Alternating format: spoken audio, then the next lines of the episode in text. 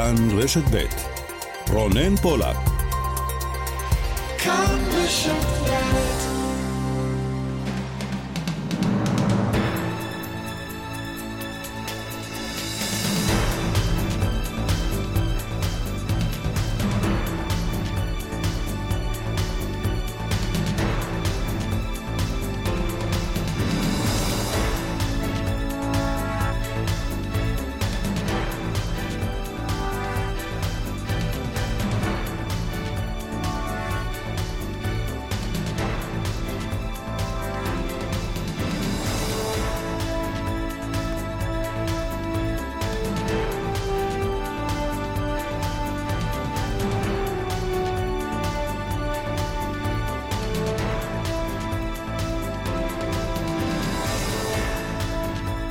ועוד חמש דקות בחצי היום, שלום לכם, צהריים טובים. העורכת היא אפרת וייס, מפיקות עמית כהן ויעל שקד. טכנאי השידור הוא דני רוקי, אני רונן פולק, עוד מעט על חקיקת החוק לגירוש מחבלים, אזרחי ישראל. על פי ההצעה יהיה אפשר לשלול את מעמד האזרח או התושב ממחבל שעשה פיגוע ולגרש אותו אה, לשטחי הרשות הפלסטינית בתום מאסרו. נהיה כמובן עם המשבר הנמשך אה, ברכבת ישראל סביב העבודות אה, בשבת, זה משבר אה, פוליטי. ננסה לבדוק כיצד יסתיים, או צפוי להסתיים המשבר הזה. כמובן נדבר גם על המהומות בברזיל וגם תרבות, ספורט, הכל הכל בשעתיים הקרובות. אנחנו מיד מתחילים.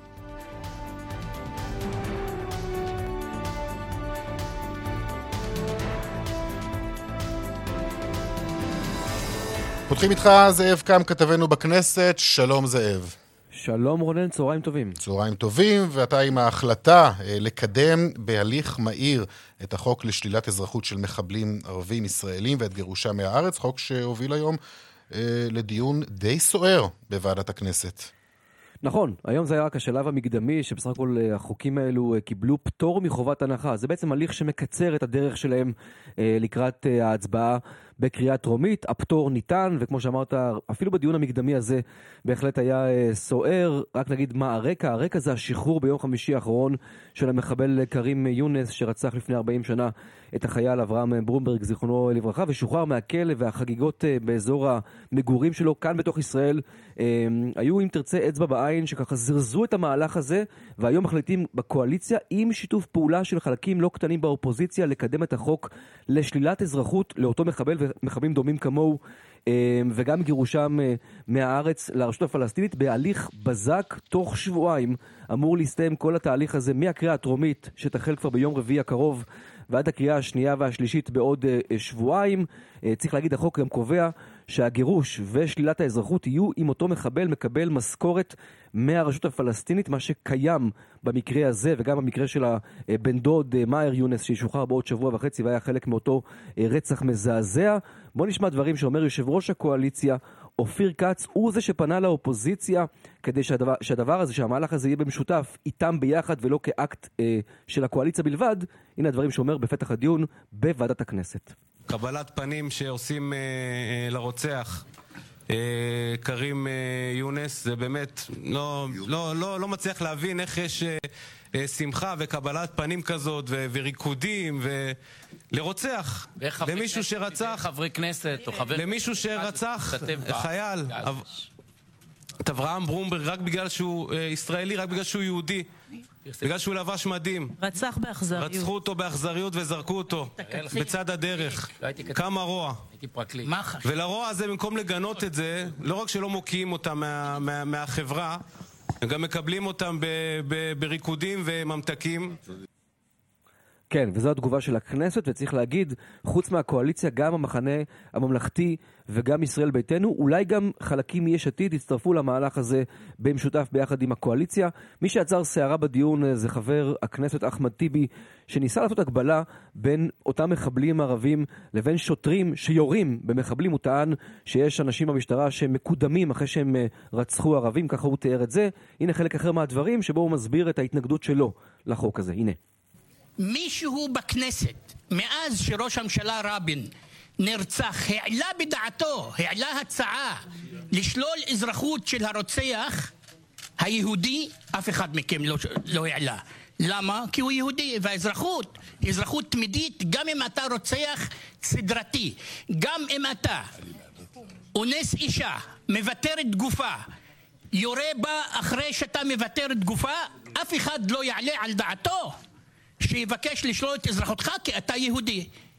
מותר שאתה תעשה את הפשע הנורא ביותר כשאתה יהודי, ואז אתה, האזרחות שלך אף אחד לא נוגע בה.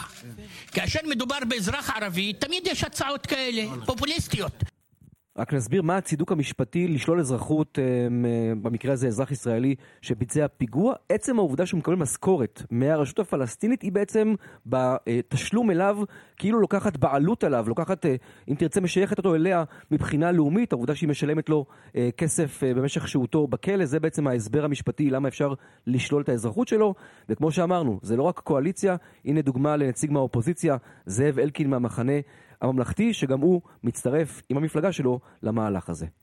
יש לזה גם נסיבות שמצדיקות את הדחיפות. אה, בנוסף לנימוקים לגופו של החוק שהביא כאן חבר הכנסת רוטמן, וכמובן גם אני הערתי שיש בחוק הזה בהחלט נחיצות וצורך, הוא גם דחוף, כי יש כרגע כמה אירועים שהם למעשה מזמנים את היכולת להפעיל אותו, ולכן אני מקווה שלאחר מתן פטור מחובת הנחה הכנסת באמת תשלים את הליך החקיקה מהר. אין ספק, אירוע די נדיר בכנסת הזו, שיתוף פעולה לא שגרתי בין הקואליציה לאופוזיציה, הנסיבות אבל הן מאוד ייחודיות ולכן זה גם אה, מתקבל בהבנה. לגמרי. תודה, זאב. תודה, רונן.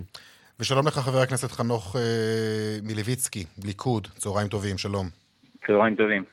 בוא תסביר לנו קודם כל את המשמעות של החוק הזה. החוק בא ואומר בעצם שטרוריסט אה, ערבי שרצח אה, יהודים מתוך מניע לאומני ומקבל על זה כסף אה, מהרשות הפלסטינית, אה, אזרחותו תישלל ויגורש בתום אה, ריצוי עונשו בשטחי הרשות. שמענו גם את הדברים, שמענו גם בדיווח של זאב, ושמענו בכלל שזה היה דיון סוער מאוד, עם דברים קשים מאוד שהטחת גם בחבר הכנסת אחמד טיבי, נכון?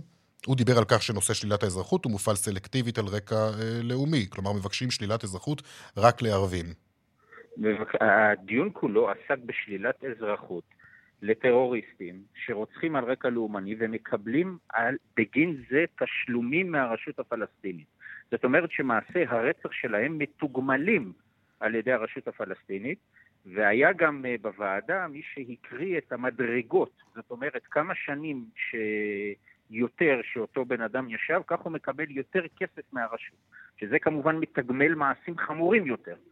אה, וסביב זה אה, היה כמובן הדיון, וההגבלה הזו שניסה טיבי לעשות בין אה, רוצחים פליליים לרוצחים הללו, היא לחלוטין לא מקובלת בעיניי, והעמדתי אותה במקום על זה.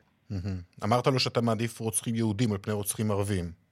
הכוונה הייתה שאותה השוואה שהוא עשה, אינני מקבל אותה, והספין הזה לא מקובל עליי, ואותם רוצחים יהודים שהוא דיבר עליהם, שהם כולם פליליים, אני מעדיף אותם על פני רוצחים לאומנים ערבים, בהחלט. ומה לגבי רוצחים שהם לא פליליים? מה זאת אומרת? אתה מדבר רק, על, רק במישור הלאומי, או אתה מדבר על מישור אה, אה פלילי שאתה מעדיף... שוב, או... כאן יש עוד פעם את קבלת הכספים מהרשות הפלסטינית כתגמול. וגם נאמר uh-huh. שקיימת לאותו אה, טרוריסט האופציה לסרב לקבל את הכספים הללו. אה, להחזיר אותם, ואז הוא כמובן לא יגורש. אבל מי שנהנה מכספים באופן שוטף בגין רצח יהודים, לא יהיה פה. כמה נהנים מהכספים האלה, אתה יודע? באחוזים אפילו? אה, לפי מה שאני יודע, רובם אם לא כולם. כלומר, רובם לוקחים את הכסף שמציעה להם הרשות. בהחלט, זה, זה, זה, זה, זה לא סכומים קטנים. אילו סכומים? זה אלפי שקלים בחודש. ממש משכורת שהם מקבלים. כן, מקבלים משכורת על רצח יהודים. נו, זה, זה, זה, זה כל העניין, וזה, וזה הבסיס לשלילת אזרחות ולגירוש מפה. אתה מצפה גם שחברי האופוזיציה יתמכו? כי אנחנו רואים שיש אה, בעצם אה, תמיכה כזאת. א', לשמחתי חברי המחנה הממלכתי תמכו, אה, חברי יש עתיד לא היו, לצערי. וכאשר אה, דיברנו עם נציג רע"מ, לטיבי לא היו אשליות שהוא יתמוך, אבל היה גם נציג רע"מ בדיון, וחבר הכנסת סעדה אמר לו, בוא, תגנה, בוא תגיד שאתה נגד. בוא, אז כמובן התחילו האמירות הכלליות שלא, אנחנו מגנים רצח באשר הוא רצח. לא, צריך לעשות דיפרנציאציה ברורה בין רצח, אה, אני לא רוצה להגיד רגיל, אני, אני אגיד רצח פלילי, שהוא כמובן איום ונורא וחמור, לבין אה, רצח אלמני הלאומני שבגינו מקבלים תשלום מהרשות הפלסטינית. אלה שתי דברים שונים, וככה צריך להתייחס אליהם. אוקיי, בוא נדבר קצת אה, פוליטיקה. אה, קודם כל, מה אתה חושב על הביקורת שהשמיע חבר הכנסת אה, דודי אמסלם אה, בסוף השבוע? הוא טען שהשפילו אותו, ולא רק אותו, אלא את כל האמסלמים והביטנים, כפי שהוא הגדיר זאת. אני מאוד מעריך את דודי אמסלם, אוהב אותו באופן אישי, גם תמכתי בו בפריימריז, ואני מאוד מאוד מקווה שימצא לו הדרך להשתלב בממשלה. אני מבין את הכאב שלו. אה, זהו, אני רק ציינתי שאני באופן אישי לא, לא הייתי מתבטא בצורה הזו בחוץ. מה, לקחת את, המ... לקחת את הטענה או את הטיעון של הקיפוח והעדתיות? כל, כל השיח הזה בעיניי צריך להיעשות אה, בחדר סגור מול ראש הממשלה. אה, ואת הדבר הזה לפתור שם, ולא דרך אה, כל מיני הצהרות החוצה. כך לי נראה נכון יותר לעשות, אבל שוב, דודי אמסלם ותיק ממני, אה, ולא אני אלמד אותו מה. צריך לעשות ואיך. נתניהו יצטרך למצוא דרך לרצות אותו אולי, או להחזיר אותו? אני, אני לא יודע אם יצטרך, אני חושב שזה יעשה טוב מאוד לליכוד, שדודי אמסלם יהיה חלק בלתי נפרד מהממשלה. יש לו ניסיון, יש לו תמיכה ציבורית רחבה, וחבל שנוותר עליו. אז מה, מה קרה שם בעצם? אה, אני ממש לא יודע, אתה צריך לשאול את אה, ראש הממשלה ואת דודי אמסלם מה קרה שם. אני לא חלק מהדיונים הללו. יש אבל תחושה של מרמור בקרב חברי כנסת בליכוד? אה, מטבע הדברים, כמו בכל חלוקת תפקידים או בדברים האלה, יש אכזבה. אני לא הייתי קורא לזה מרמור. יש חלק שמאוכזבים, חלק שמרוצים יותר. זה חלק מהעניין, אתה יודע. מה לגבי המשבר סביב עבודות הרכבת אה, בשבת? תשמע, זה משבר אה, ראשון, אולי איום ראשון אפילו של המפלגות החרדיות, בקושי שבוע אחרי הקמת הממשלה. זה קורה מוקדם מדי, לא? אני לא יודע, אני הבנתי שראש הממשלה הנחה את אה, שרת התחבורה למצוא לזה פתרון, ויש כרגע צוותים שיושבים סביב הדבר הזה. אנחנו כמובן לא נרצה לחלל שבת שהדבר הזה לא נחוץ. מצד שני, כמובן שאי אפשר אה, להשבית את הכל ולספוג עלויות מטורפות אה, בגלל הדבר הזה. אני מקווה ש... שדרך המלך תימצא mm-hmm. לגבי הנושא הזה. אני סמוך ובטוח ששרת התחבורה תדע לתת פתרון הולם לזה. איזה, איזה פתרונות באמת אפשר לייצר? אתה יודע, בסופו של דבר, לאורך השנים אנחנו רואים שהסוגיה הזאת סביב השבת מייצרת כמעט תמיד משברים. הפעם זה באמת קרה מוקדם אה, מדי. איזה פתרונות אפשר לייצר כאן?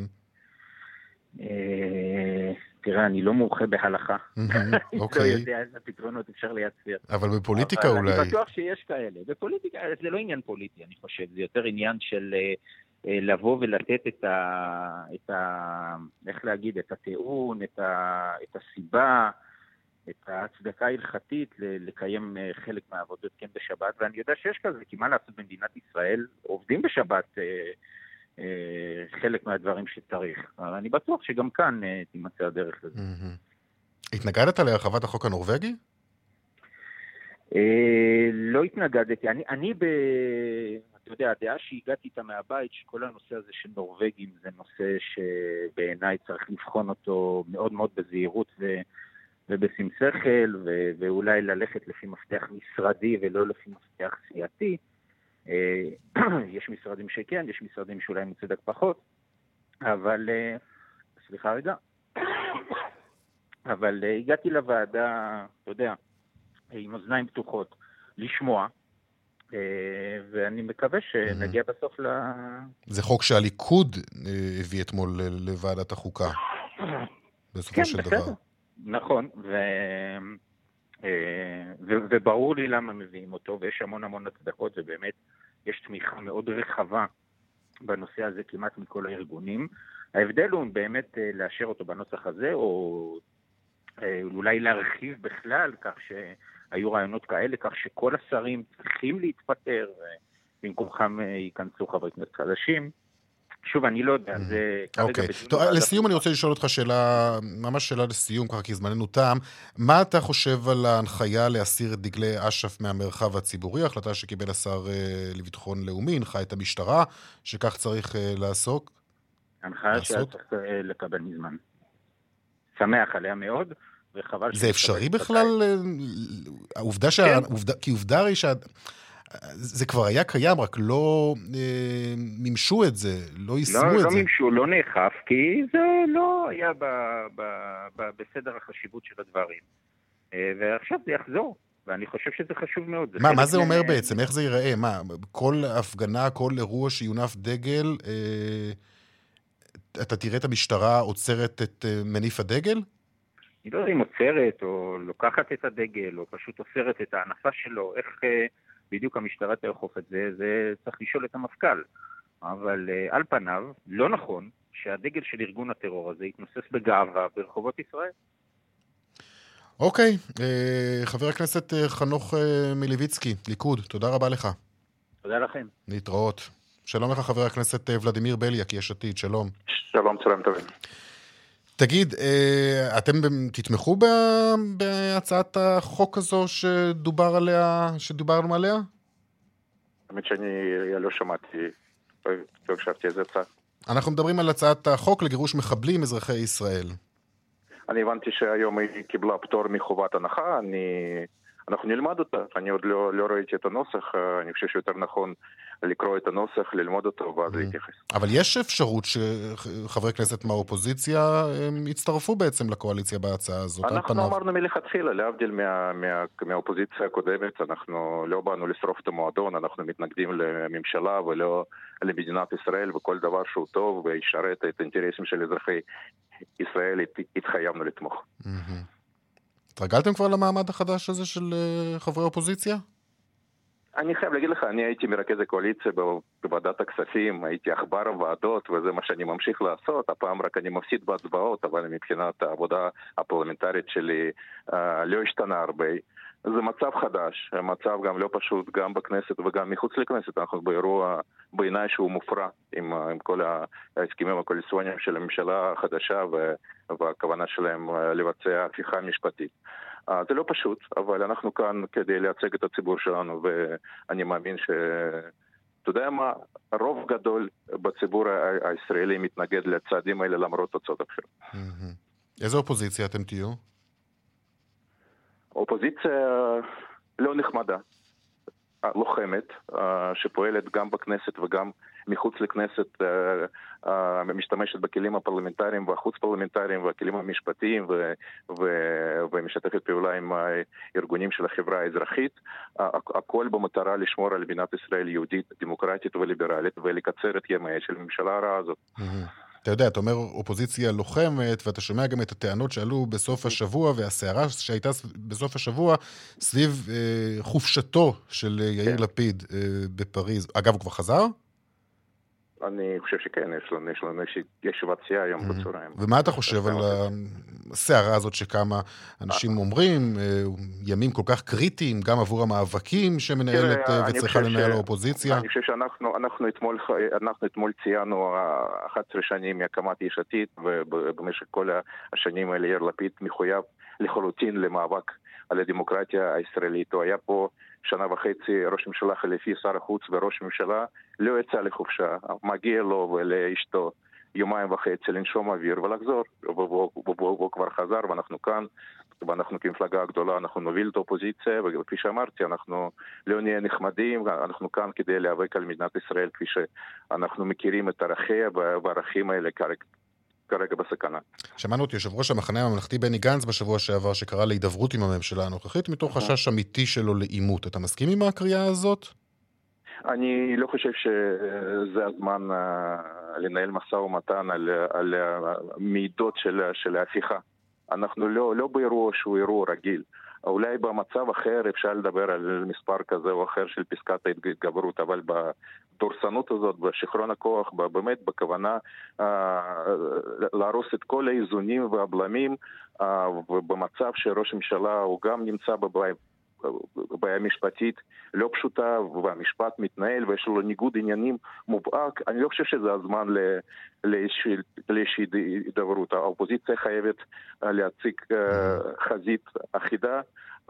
ולבלום את המהלכים המסוכנים. אז הנה, עוד פעם אתם מציגים חזית שהיא לא אחידה. ואתם לא מראים אחידות לוחמנית כפי שאולי היית רוצה להראות. אתה יודע, להבדיל מקואליציה, ואני, ואני חייתי בקואליציה והייתי מרכז הקואליציה בוועדה, באופוזיציה אין משמעת אופוזיציונית. אז אתה, אתה גם לא בוחר את האופוזיציה, כן?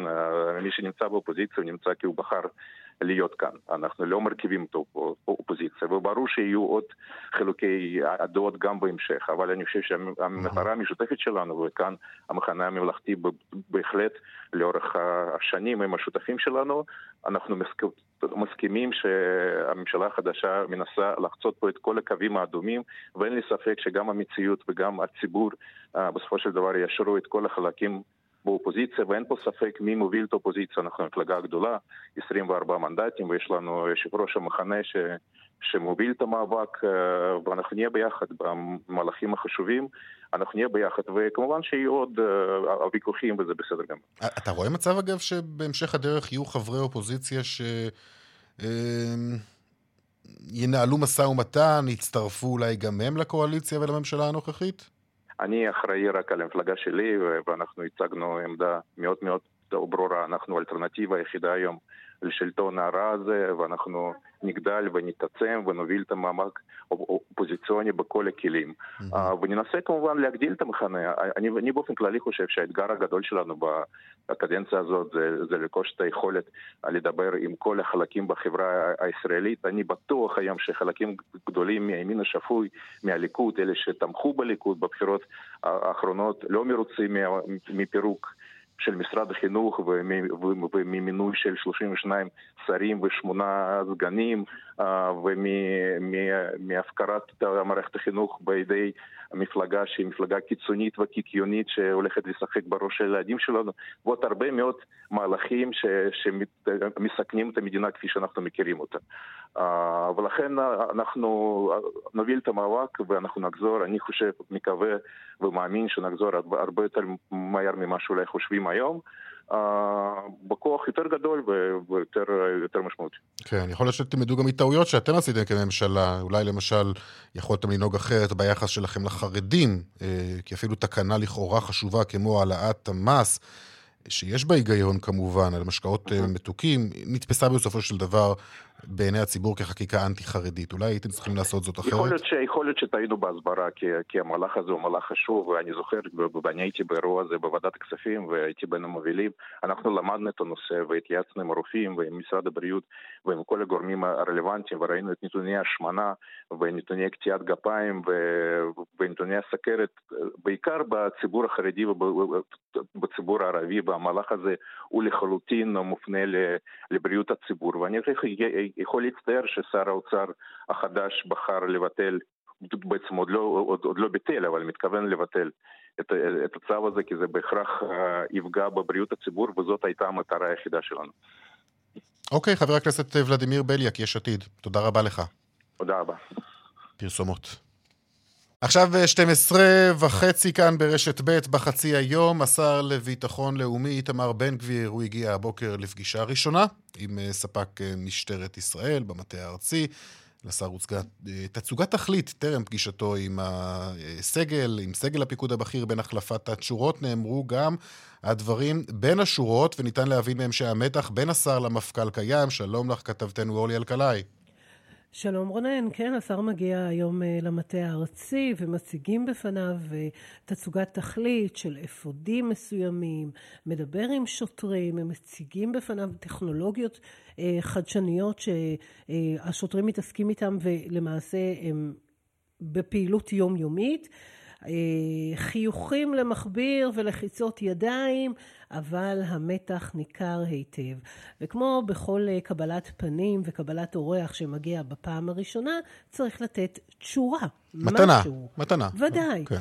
אז אה, מפכ"ל המשטרה, רב ניצב יעקב שבתאי, מעניק לשר לתלות במשרדו את מה שנמצא בתוך חולצתו של כל שוטר. זה נקרא פנקס שירות. והוא מקריא לו גם מה אומר פנקס השירות. בוא נשמע. זו ההזדמנות לתת לך לפנקס כיס של השוטרים, ערכי משטרת ישראל. הקוד האתי של משטרת ישראל הוא מצפן מוסרי ואתי המכוון את התנהגותו, התנהגות השוטר בכל הנסיבות. כן, והוא עוד מקריא לו מה זה אומר ומה מחויב כל אה, שוטר, ואנחנו רק אתמול דיברנו על כך שהשר מבקש אה, ממפכ"ל המשטרה לעשות תחקיר ולהביא לו את המסקנות כיצד ייתכן שנמשכו החגיגות בכפר ערה של המחבל אה, המשוחרר כרים יונס, ואיך יכול להיות שעדיין הניפו דגלים, ולא רק זה, הוא גם הנחה את המשטרה להסיר דגלי אש"ף הוא מנחה את מפכ"ל המשטרה להסיר את דגלי אש"ף עם הזדהות ארגון הטרור מהמרחב הציבורי ולעצור כל אירוע הסתה כנגד מדינת ישראל. הוא חזר ואמר, הדברים לא נעשו כפי שאני הנחיתי. והשר אה, מגיע וגם הוא מעניק אה, תשורה למפכ"ל, למטה הארצי, לספ"כ, והוא אומר לנוכחים, התפקיד שלי לגבות אתכם. היו גם שרים מוכשרים לפניי. אבל יהיו שינויים, דברים חייבים להשתנות, כמו המשכורות שלכם, וזה כמובן מבורך. בואו נשמע את הדברים. זה לא מובן מאליו שאתם שם בשבילנו ביום ובלילה, בחורף, בקיץ. זה לא מובן מאליו כל מה שאתם uh, עושים. והתפקיד שלי, ככה אני רואה את זה, קודם כל זה לגבות אתכם. קודם כל זה לתת לכם כוח. היו כאן שרים לפניי, שרים מוכשרים, ואני לא מתחיל מאפס. אבל כן, יש שינויים ויש דברים שצריך להוביל ולעשות. יש כל מיני דברים שיהיו חייבים להשתנות במשטרה, כי יש דברים שאני רוצה לתת, יש דברים שאנחנו צריכים לקבל. אנחנו חייבים משטרה חזקה. אם יש לנו, תהיה לנו משטרה בעזרת השם עוד יותר חזקה ממה שיש היום, והיא חזקה היום. אבל היא צריכה להיות עוד יותר חזקה. אם יש לנו, ויש לנו, והיא משטרה חזקה, אבל עוד יותר חזקה, אה, והוא אומר... אז יחזור החיוך לפנים של האזרחים, והוא אומר, יהיו לי עוד דרישות, אבל אני גם רוצה להגיד תודה לבני הזוג שלכם שמשלמים את המחיר בשם מדינת ישראל. תודה רבה לכולם. החיוכים נגמרו, נכנסו לחדר. אה, אנשי, כל אה, ספק משטרת ישראל, השר שם אה, יהיה קצת פחות נחמד להערכה שלנו, יאמר את משנתו, את דרישותיו, אין ספק שמישהו צריך ליישר קו לפי דרישות השר החדש. כן, ככה זה עובד בדרך כלל. אה, אורלי נכון. אלקלעי, תודה. תודה. עכשיו למשפט האלפים, והיום דיון שמגיע גם לטונים גבוהים, שבשל כך גם מופסק. סנגורו של נתניהו מצביע על כך שבתחילת הדרך פילבר הכחיש כל הנחיה מצידו של נתניהו, ורק בחקירת המשטרה ובעדותו כעד מדינה שינה את גרסתו. שלום לך, עמוס שפירא, כתבנו לענייני משפט. שלום אה, רונן, כן, היום ממשיכה החקירה הנגדית, למעשה מתחדשת אחרי שבוע של הפסקה.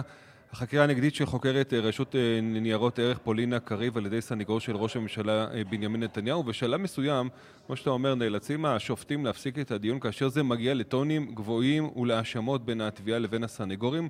הפסקה של כמה דקות כדי שכולם יחזרו רגועים, וזה מתחיל כאשר המאשימה יהודית תירוש אומרת, אני כאן, בפרקליט, אני פרקליטה 25 שנים ומעולם לא נתקלתי בסגנון כזה פוגעני של פרקליטים ואז אחד הסניגורים, אה, במקרה הזה ז'אק חן, סניגור של אלוביץ', אה, נעמד ורוצה להגיב, בית המשפט לא נותן לו כל כך להגיב וכשלא נותנים לו באמת הטונים עולים, הוא אומר לא יכול להיות שבית המשפט מאפשר להם לפגוע בנו. ואז ראש ההרכב השופטת רבקה פרידמן פלדמן אומרת לו אדוני לא יצעק עלינו.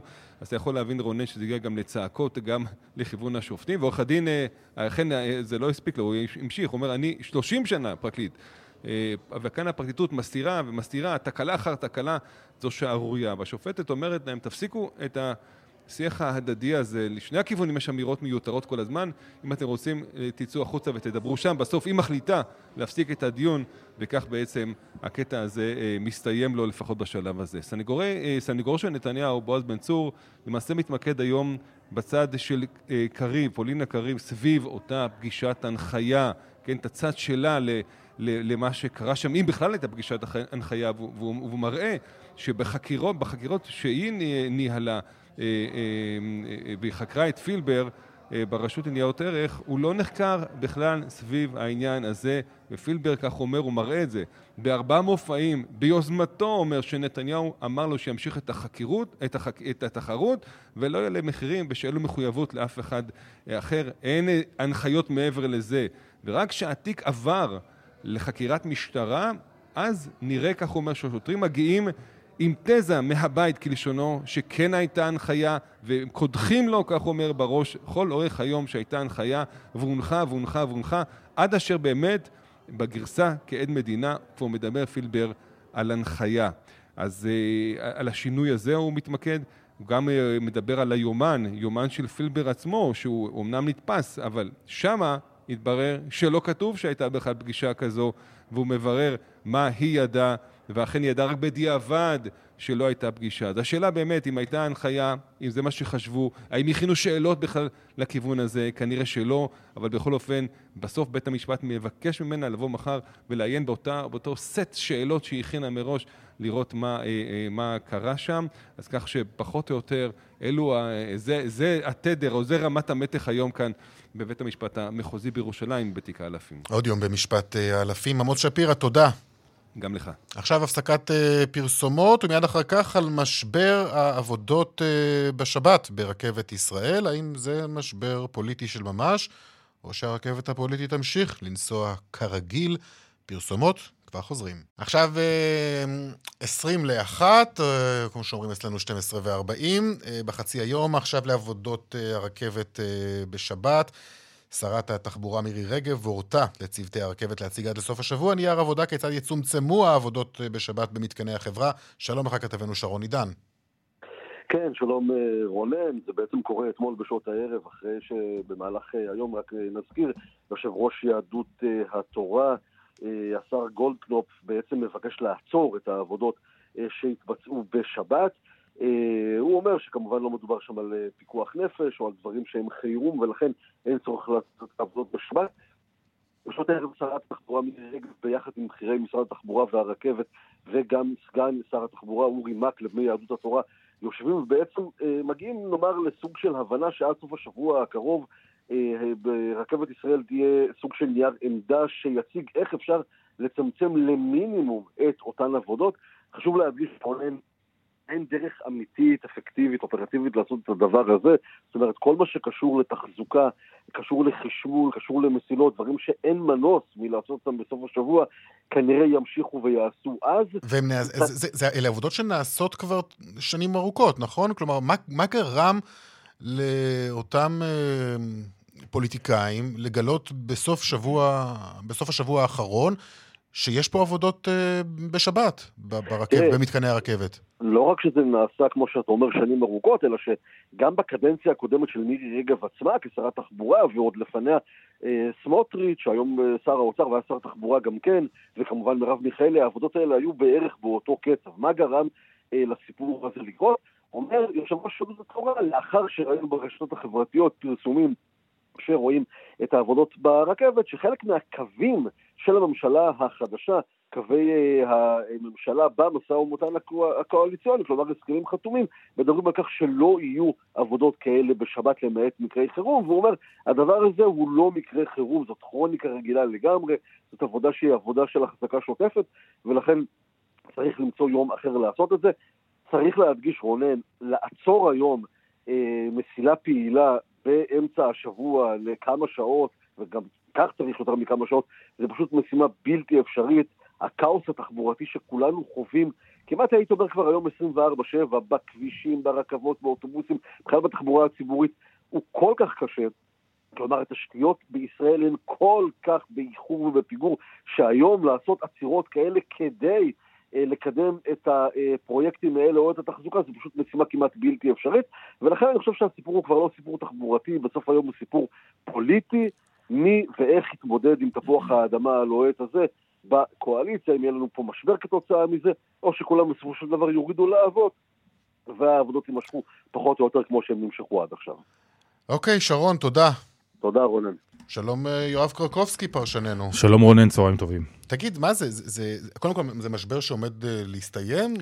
תמיד המשברים האלה סביב השבת, זה משהו שמלווה אותנו שנים נכון. רבות. אנחנו עוד זוכרים את uh, משבר המשכן. ו... המשכן ב-1977, כן. ממשלתו של רבין נופלת בגלל עכשיו, מטוסי ה-F-15 שהגיעו על סף כניסת השבת. עכשיו, בסופו של דבר, לפי מהדברים שאני מבין גם משרון, מה שקורה זה ש... אה, פשוט הדבר הזה יתפרסם? זה כן. מה שפוצץ את הסיפור הזה? יכול... כל עוד זה לא מתפרסם, כל עוד זה לא ברשתות החברתיות אפשר להעלים עין, אבל מרגע שזה בפרהסיה, כולם רואים, זה יוצא בכל חוצות, אז אי אפשר להתעלם, חייבים לי, להגיד משהו. יש לי הצעת חוק, שכמובן מן הסתם תהפוך להיות הצעת חוק ממשלתית בקרוב. בואו נסגור את הטוויטר בשבת. ואז אה, טלי בן עובדיה, שהיא זאת שצייצה את התמונות האלה של עבודות הרכבת בשבת, לא תוכל אה, אה, לצייץ את זה. אם לא יודעים, אז אולי אפשר לעשות את זה. הבעיה המרכזית היא שיצחק גולדקנופ, אה, שהיה בתפקידו האחרון, שים לב, מזכיר ועדת הרבנים למען קדושת השבת באגודת ישראל. Mm-hmm. הוא אחד המחוללים של המשברים הקודמים שאילצו בשורה התחתונה את אה, יעקב ליצמן להתפטר פעמיים מתפקידו כשר ולהסתפק בתפקיד סגן שר בממשלת נתניהו בין 2015 ל-2020. אז זאת בעצם הבעיה המרכזית, העובדה שהוא בעצם אה, העלה במידה מסוימת אה, אולטימטום, ואני רוצה להזכיר, זה אותו יצחק גולדקנופ שרצה להיות חבר בקבינט המדיני-ביטחוני, שם מקבלים החלטות שיש בהן הרבה יותר מאשר חילול שבת, ועל כך דגל התורה עצרה אותו, מנעה ממנו להיות חבר בקבינט המדיני-ביטחוני, ואני רוצה להזכיר, לאורך שנים, אגודת ישראל, יהדות התורה, אה, נמנעו מלקחת תפקידי שרים בדיוק כדי לא לשאת באחריות הכוללת. המשבר הזה נתפס בעיניי כמשברון, אבל יש לו יכולת נפיצה אם הוא לא ינוהל בצורה חכמה. מה היכולת הנפיצה? יכול להיות שבסוף מישהו מתוך אגודת ישראל, מבין הרבנים שגולדקנופ היה בקשר איתם רק לפני אה, חודשים ספורים כיושב ראש ועדת אה, שמירת השבת, אה, יאלץ אותו בסופו של דבר להתפטר מתפקידו כשר ולהסתפק בתפקיד סגן השר. זה דבר שהוא אה, מבחינתו של גולד, גולדקנופ תהיה בעיה, כי הוא רצה הרי להיות שר מלא, לא רק מלא, אלא גם חבר בקבינט המדיני-ביטחוני, והעובדה שהוא הטיל איזשהו סוג של אולטימטום כלפי בנימין נתניהו, הייתה טעות מבחינתו. כשנכנסים למטבח, הם אה, צריכים לסבול את חום המטבח, וחום המטבח אומר שכשאתה אה, אוחז בהגה השלטון, אתה מגלה שגם דברים שאינם פיקוח נפש, אלא פשוט עולים מיליארדים, אם אתה אה, אה, מונע את אה, עבודות הרכבת בשבת, שאלה חלקם עבודות תשתית, ואתה תרצה לעשות אותם בימי חול, המשמעות של זה זה דחיית העבודות לאורך שנים. ועל, ו, ועלות של מיליארדים. עלות של מיליארדים ופקקים. ש, ומי שנמצא עכשיו אמ, עם היד אה, על הארנק הזה של המיליארדים הוא אה, שר האוצר סמוטריץ'. שהוא עצמו חרדי לאומי, הוא חרד"לי, הוא שייך בעצם לזרם הרבה יותר קיצוני בהיבט אה, הלכתי מאשר מה שהכרנו נגיד מימינה. וזאת באמת, זה, זה בעצם השאלה הגדולה. הוא היה שר תחבורה, הוא אפשר עבודות בשבת כאשר היה שר תחבורה, והוא מן הסתם יאפשר עבודות בשבת גם כשר אוצר, כי הוא מבין את המשמעויות ארוכות הטווח של הדברים האלה.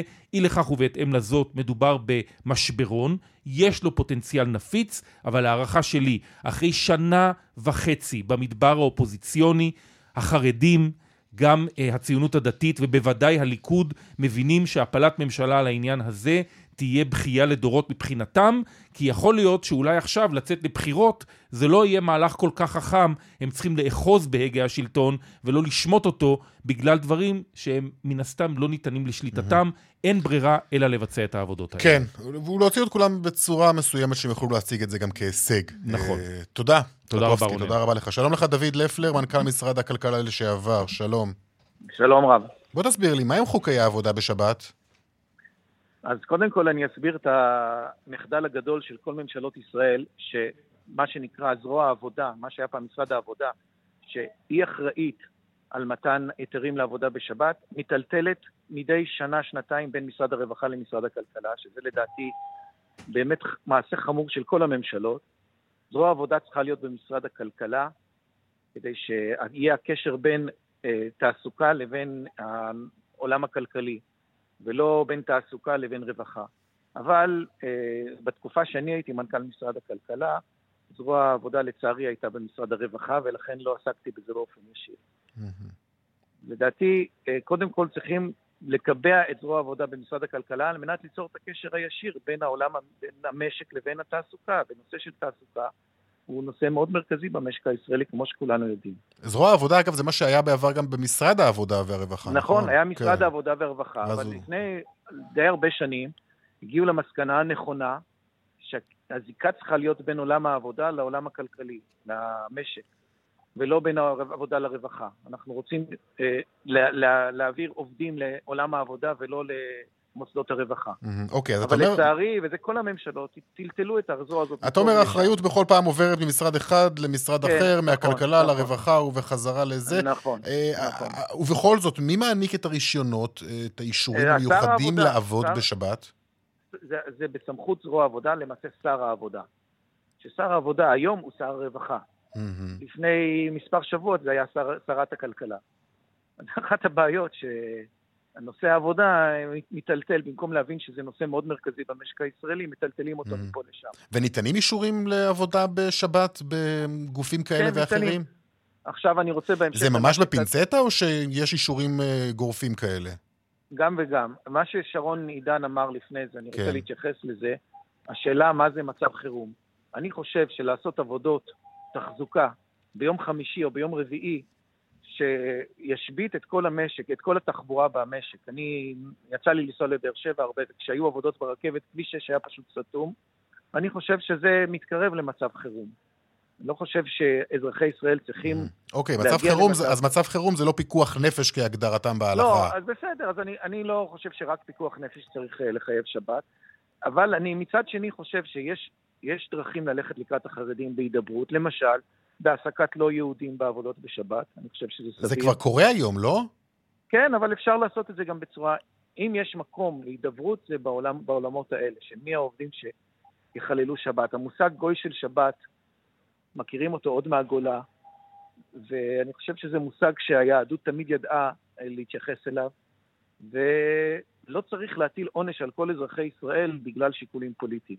ואני חושב שהשיקולים צריכים להיות בידי הגופים המקצועיים, במקרה הזה של הרכבת. אם אנחנו סומכים על הנהלת הרכבת שתסיע רכבות בבטחה, בבטיחות, ושלא יקרו תאונות ולא יקרו תקלות, אפשר לסמוך עליהם שהם גם יגדירו מה חיוני ומה פחות חיוני. ולא שפוליטיקאים או רבנים יקבעו משהו חיוני או לא חיוני.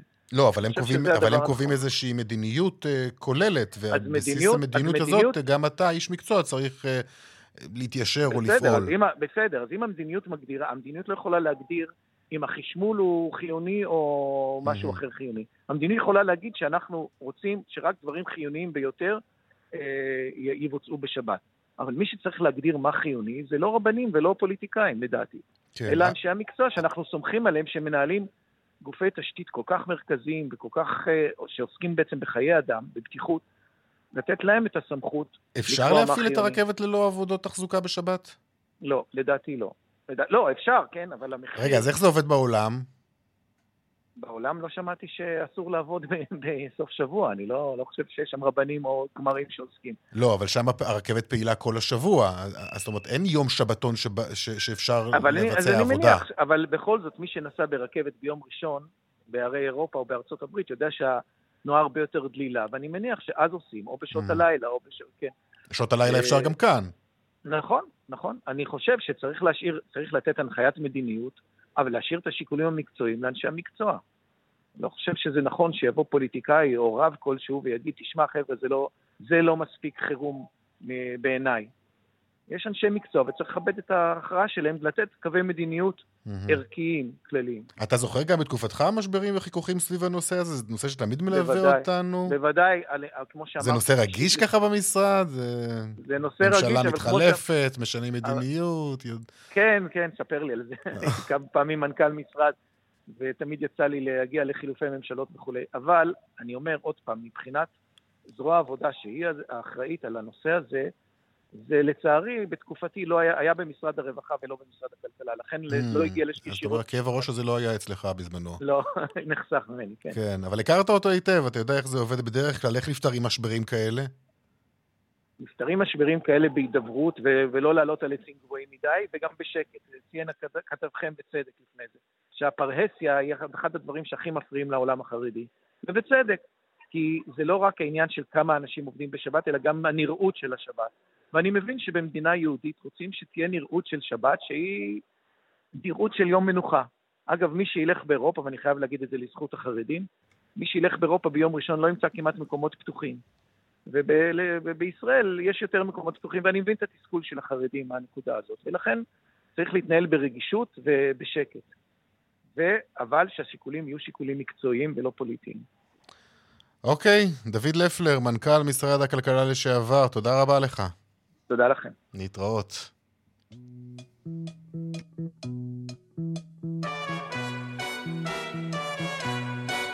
מדינה אחת פעמיים ים ואגם אחד וקטחת גם שמש אחת עגולה עם אחד חכם מלא סגולה גאה בראש אחד ושלוש גלולות ושישה ימים ושבעה לילות.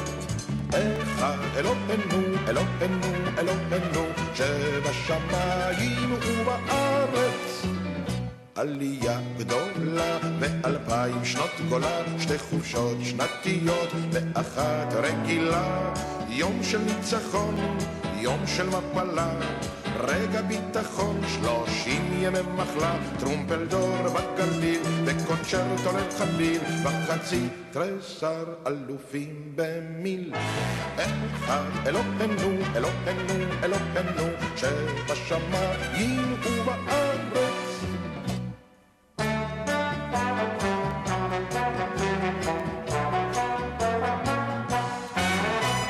אחד עתיק, שני שרים בלי תיק, הראשון עצוב, השני מצחיק, ילדות אחת קשה, שנים של התשה, ומי שרוצה עצמאות בבקשה, מלחמות חמש, חטיבת חרמש, וחייל אחד משחק שש בש. אחד אלוהינו, אלוהינו, אלוהינו, שבשמיים ובארץ. חיילים שלושה עייפים במשלט, ושבעים ילדים צוחקים במקלט. שלושה אסירי ציון יצאו לחופשי, אסיר עולם אחד בחודש השישי, יום הילד, יום הפרח ויום השנה. שלוש דקות אה, לפני אה, אחת, בחצי היום אנחנו סיימנו שעה ראשונה, וזה אומר שעוד אחת לפנינו. העורכת היא אפרת וייס, מפיקות יעל שקד ועמית כהן, טכנאי השידור הוא דני רוקי, אני רונן פולק, חוזרים כולנו אחרי חדשות אחת, נהיה בברזיל. אחרי הנאומות שם, אה, מה שנראה כמו ניסיון הפיכה של תומכי הנשיא לשעבר, גם ספורט, תרבות, הכל הכל כאמור, אחרי חדשות אחת, להתראות בינתיים.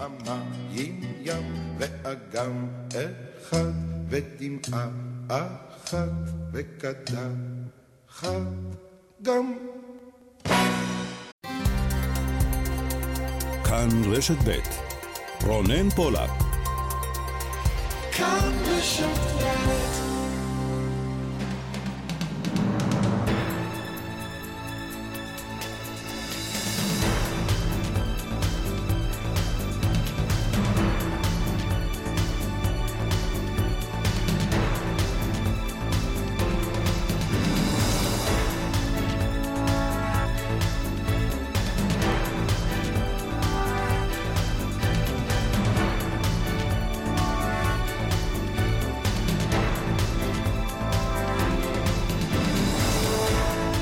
אחת ועוד חמש דקות בחצי היום, שעה שנייה, אפרת וייס עורכת, מפיקות יעל שקד ועמית כהן, טכנאי השידור הוא דני רוקי, אני רונן פולק, ואת השעה הזאת אנחנו פותחים בנאומות בברזיל.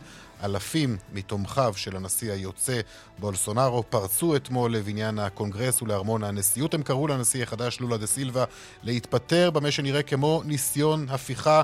שלום לך כתבת תחום החוץ, מיכל רשף.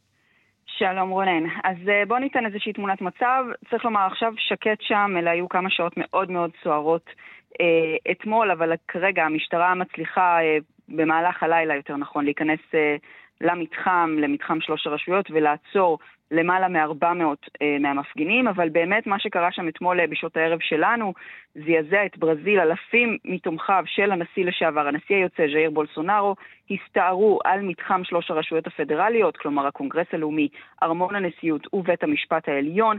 הם מצליחים להיכנס לשלושת המבנים הללו ש... צריך לומר, לא היו אה, מאוכלסים באותה שעה. הם שוברים חלונות, הם שוברים כיסאות, מרססים כתובות על הקירות, וקוראים לנשיא לולה דה סילבה להתפטר שבוע בלבד אחרי שהוא הושבע לתפקיד. בואו נשמע חלק קטן ממה שקרה שם אתמול.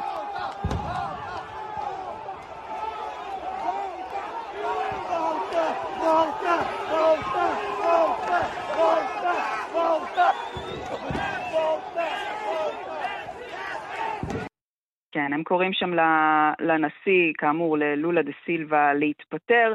אה, כל האירוע הזה מתרחש אה, במשך אה, כמה שעות, כשאנחנו רואים שהשוטרים, בחלק מהסרטונים מהרשתות החברתיות, השוטרים נראים פשוט עומדים, עומדים בצד, מצלמים סרטונים, לפעמים שותים קפה, ובחלק מהמקרים מתעמתים עם המפגינים בגז מדמיע ובעוד כל מיני אמצעים לפיזור הפגנות, אבל לא ממש מצליחים לעצור אותם.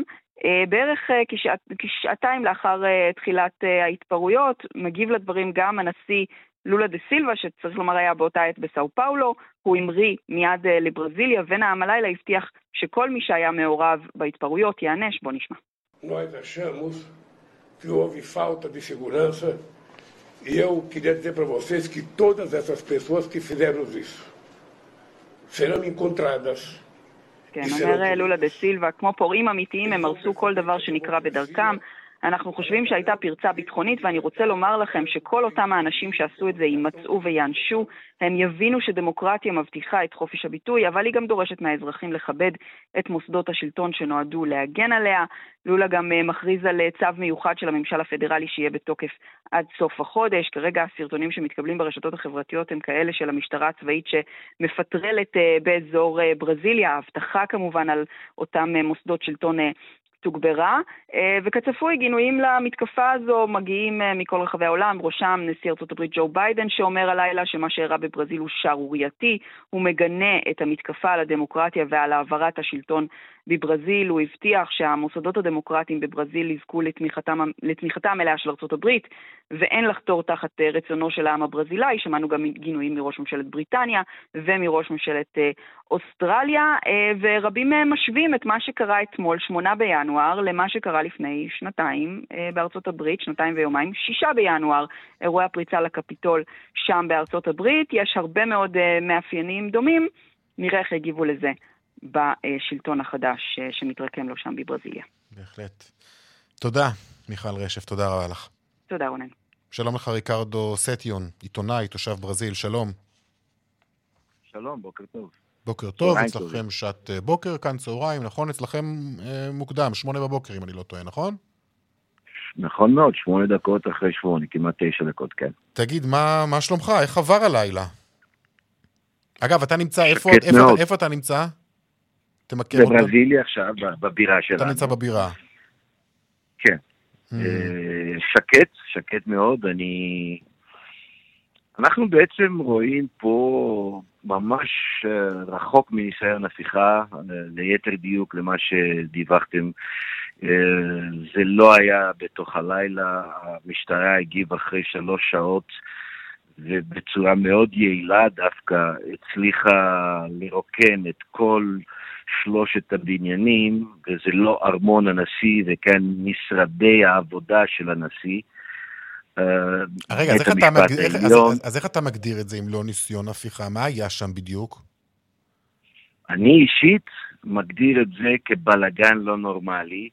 אה, פשוט הפגנה של אנשים שלאט לאט המים התחילו לפתוח מאז נובמבר, כשהיו הבחירות כאן ולולה אה, זכה בבחירות ובולסונארו הפסיד.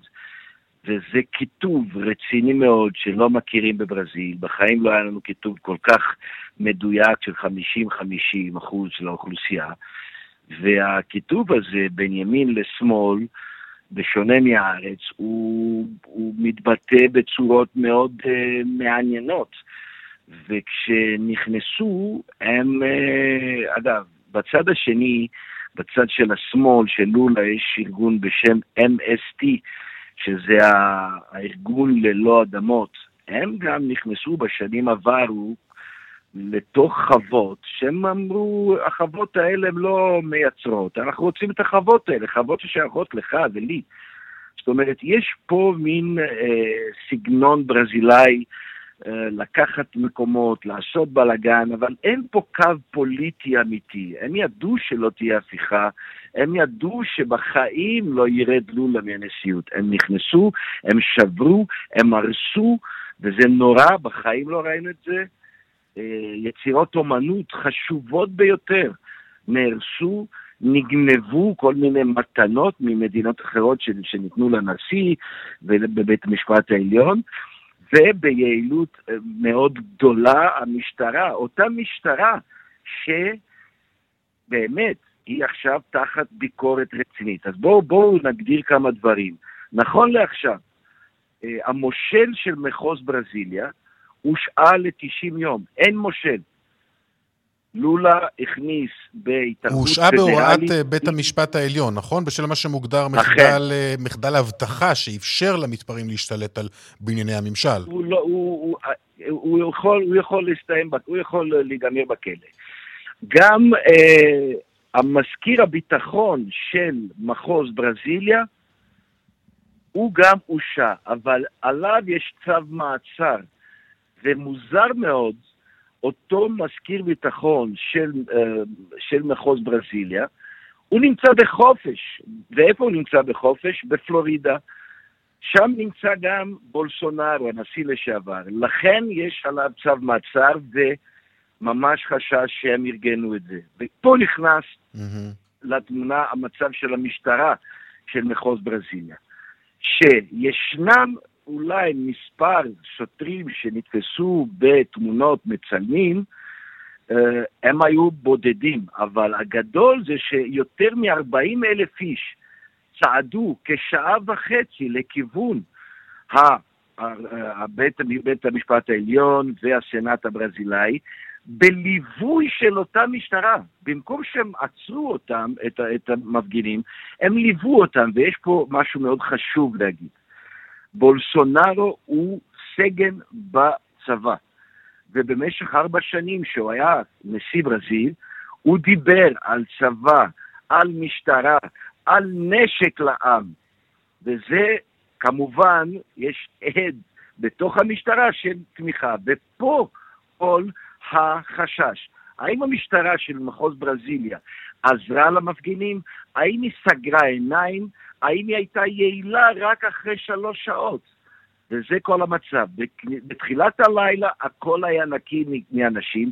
יש עכשיו כ-480 אנשים בבית הכלא, עכשיו יש, הם, הם, הם נכנסו לתוך בתי הסוהר, וכמובן פגישה רצינית מאוד בין הנשיא לולה לבין 27 המושלים של ברזיל, וכמובן יש, יש הבדל ענק למה שקרה בארצות הברית לבין מה שקרה בברזיל. יכול להיות אבל שבולסונארו, שאנחנו יודעים אכן שוהה בארצות הברית, עומד בצורה כזאת או אחרת מאחורי ההתפרעויות האלה? כי אלו האשמות שגם מופנות כלפיו. כולם ידעו שזה יקרה, הרי המפגינים האלה נמצאים במחנות, בקמפינגים כאלה, מתחילת סוף הבחירות. ב-12 כן. לדצמבר, נכון, והנשיא לולה גם אמר שצריך לבדוק מי מימן את השהות שלהם, מי מימן להם את הברביקיו, נכון, כפי שהוא הגדיר נכון, זאת. נכון, הברביקיו, כן, השורסקו. ב-12 לדצמבר שרפו אוטובוס בברזיליה וזרקו לתוך אגם מים. אז, ושלשום הגיעו 50 אוטובוסים לברזיליה, ואתמול הגיעו עוד 25 אוטובוסים. זאת אומרת, ידעו שיש שם מצב של מתח. איך מושל של מדינה, של מחוז כזה לא עושה כלום, ואיך מזכיר ביטחון לא עושה כלום. כל מה שחשוב פה זה שבולסונארו בטוויטר מאורלנדו בפלורידה אומר שזה לא בסדר, שאסור לעשות הפגנות כאלה, וכ... ובסאו פאולו היו אתמול הפגנות בכביש הראשי של סאו פאולו במשך ארבע שעות. היום שורפים צמיגים בכביש המקיף של סאו פאולו במקום מסוים, ולמה זה חשוב? Mm-hmm. כי סאו פאולו הוא המחוז היחיד שתומך בולסונארו זכה. בבחירות, אבל גם הוא אמר שזה לא יקרה. יש פה משהו מאוד מעניין, באותה צורה שהמפגינים האלה עשו בלאגן והם לא רצו הפיכה, ללא ספק אין הפיכה, והם ידעו את זה, הם רק עשו בלאגן כדי להראות שהם לא יקבלו את לולה, שכזכור, לפני כשנתיים היה בבית סוהר תחת אה, האשמות אה, כבדות וזוק, ולא בדיוק זוכה, הוא הוצא ממצב של השם בגלל שהיו אה, דברים לא כל כך נכונים כן, תוך כדי אוקיי. המשפט, אבל הוא לא זוכה, ו-50% מהעם לא מקבל את זה. Mm-hmm. עכשיו. בולסונארו זה רק טוויטר, שהוא אומר שאסור לעשות כאלה דברים, ועכשיו, לפני כמה דקות, גילו שאחד הבנים המבוגרים של בולסונארו היה בהפגנה הזאת וצולם. זאת אומרת, היה בלאגן של שלוש שעות, וברזיל נכנסת חזק באנשים האלה, אבל המראים הם קשים מאוד. כן, מאוד קשים. עכשיו תגיד, אה, אה, זה, זה סיפור שהוא נמצא כבר מאחורינו להערכתך? כי אתה אומר שעת בוקר עכשיו, יכול להיות שאנחנו נראה אחוז. חידוש אה, של המהומות 200 שם? 200 אחוז מאחורינו, לא. 200 אחוז מאחורינו, ויש לציין עוד משהו. הצבא לא נכנס להפגנות. היו 3,500 חיילים פה בברזיליה מוכנים בכוננות, והם לא נכנסו לפעילות. דבר שני, 450 והמשפט עולה של אנשים עצורים. שלישי, כולם נמצאים בברזיליה אחרי יום ראשון של חופש, ואין שום סיכוי שזה יקרה. כל המחנות, כל הקמפינגים, האוהלים האלה, כבר מתחילים להיפרק בגלל uh, שהמשטרה החליטה על כך, ולולה, הנשיא, החליט על אה, אדם מסוים שהוא עכשיו אחראי על כל הביטחון במחוז של ברזיליה, והוא אמר בפירוש, אף אחד לא יישאר מחוץ להשפעת אה, כוח המשטרה, זאת כן. אומרת שאחריהם ישלמו. אין סיכוי שהמשטרות עכשיו בכל ברזיל יעשו כל דבר שהוא לא יהיה לטובת ולשירות המדינה. אין לנו היסטוריה של הפיכות כאלה מאז הדמוקרטיה. ללא ספק זה היה, כמו שאני אמרתי, בלגן כן. של אוקיי. כמה טוב, אנשים. לא הפיכה, אתה אומר, בלגן, אה, אבל לא קרנבל, אה, זה לא. לא, לא קרנבל, לא קרנבל, כן. לא קרנבל. לא. אגב, כולם לבשו חולצת נבחרת ברזיל. אנחנו ככה, אנחנו לא אחראים. ברזיל היא מדינה לא אחראית. אנחנו לא לוקחים אחריות על הרבה דברים, אבל ללא ספק תגובת המדינה עצמה וכל המחוזות היא לי, כברזילאי, mm-hmm. ממש מפתיעה לטובה. Okay. אוקיי. אני רואה עבודה מאוד חזקה מטעם המדינה עצמה, ברזיל, מטעם המחוזות, ומשטרות, שלושה מחוזות, כן. באיה, פיאווי ומינה ג'ראי, שמו את כוחות המשטרה לשירות הנשיא, אוקיי. ואני רואה גם את בית המשפט עובד קשה, וזה טוב, זה מעניין מאוד. בהחלט מעניין. אגב, ריקרדו, מהאוטובוסים... ריקרדו, כן. זמננו תם, אה, ואני רוצה מאוד להודות לך על ההסבר המאוד מפורט הזה. סליחה? אפשר לדבר על נאמר והכדורגל. או, זה אפשר לדבר שעות, כן, כמובן. תודה. ריקרדו סטיון, עיתונאי, תושב ברזיל, אה, מברזיליה, תודה רבה לך. להתראות, תודה, צהריים טובים. צהריים טובים, להתראות. טוב. עניין אחר עכשיו, אה, מחקר ישראלי ראשון מסוגו בדק את יעילותו של החיסון נגד קורונה שמותאם לווריאנט האומיקרון. כתבתנו דקלה אהרון שפרן, את מצטרפת אלינו. דקלה, שלום. שלום רונן. מה העלו התוצאות? תראה, אנחנו מדברים על uh, הפחתה של 81% בסיכון לאשפוזים, והפחתה של כ-86% בסיכון לתמותה מנגיף קורונה בקרב אה, מבוגרים בני 65 ומעלה שקיבלו את החיסון הזה שמותאם אה, לאומיקרון. אנחנו מדברים כאן על המחקר המקיף ביותר, מחקר מאוד גדול אה, שפורסם עד כה, מחקר שנערך במכון של כללית, והוא בדק את המועילות של מנת החיסון הזאת שמותאמת לאומיקרון. המחקר עקב אחרי בני ה-65 ומעלה שמבוטחים בכללית, יותר מ-622,700 בני אדם, בין התאריכים 24 בספטמבר 2022 ועד ל-12 בדצמבר, בעצם לאחר שאושר החיסון הזה שמותאם לאומיקרון. והתוצאות האלו שבסוף תקופת המחקר שנבחנה 14% מהאוכלוסייה הזאת קיבלה את החיסון, ובאמת ראו בקרב מקבלי מנת החיסון את ההפחתה הזאת המשמעותית בשיעורי האשפוז והתמותה כפי שתיארנו.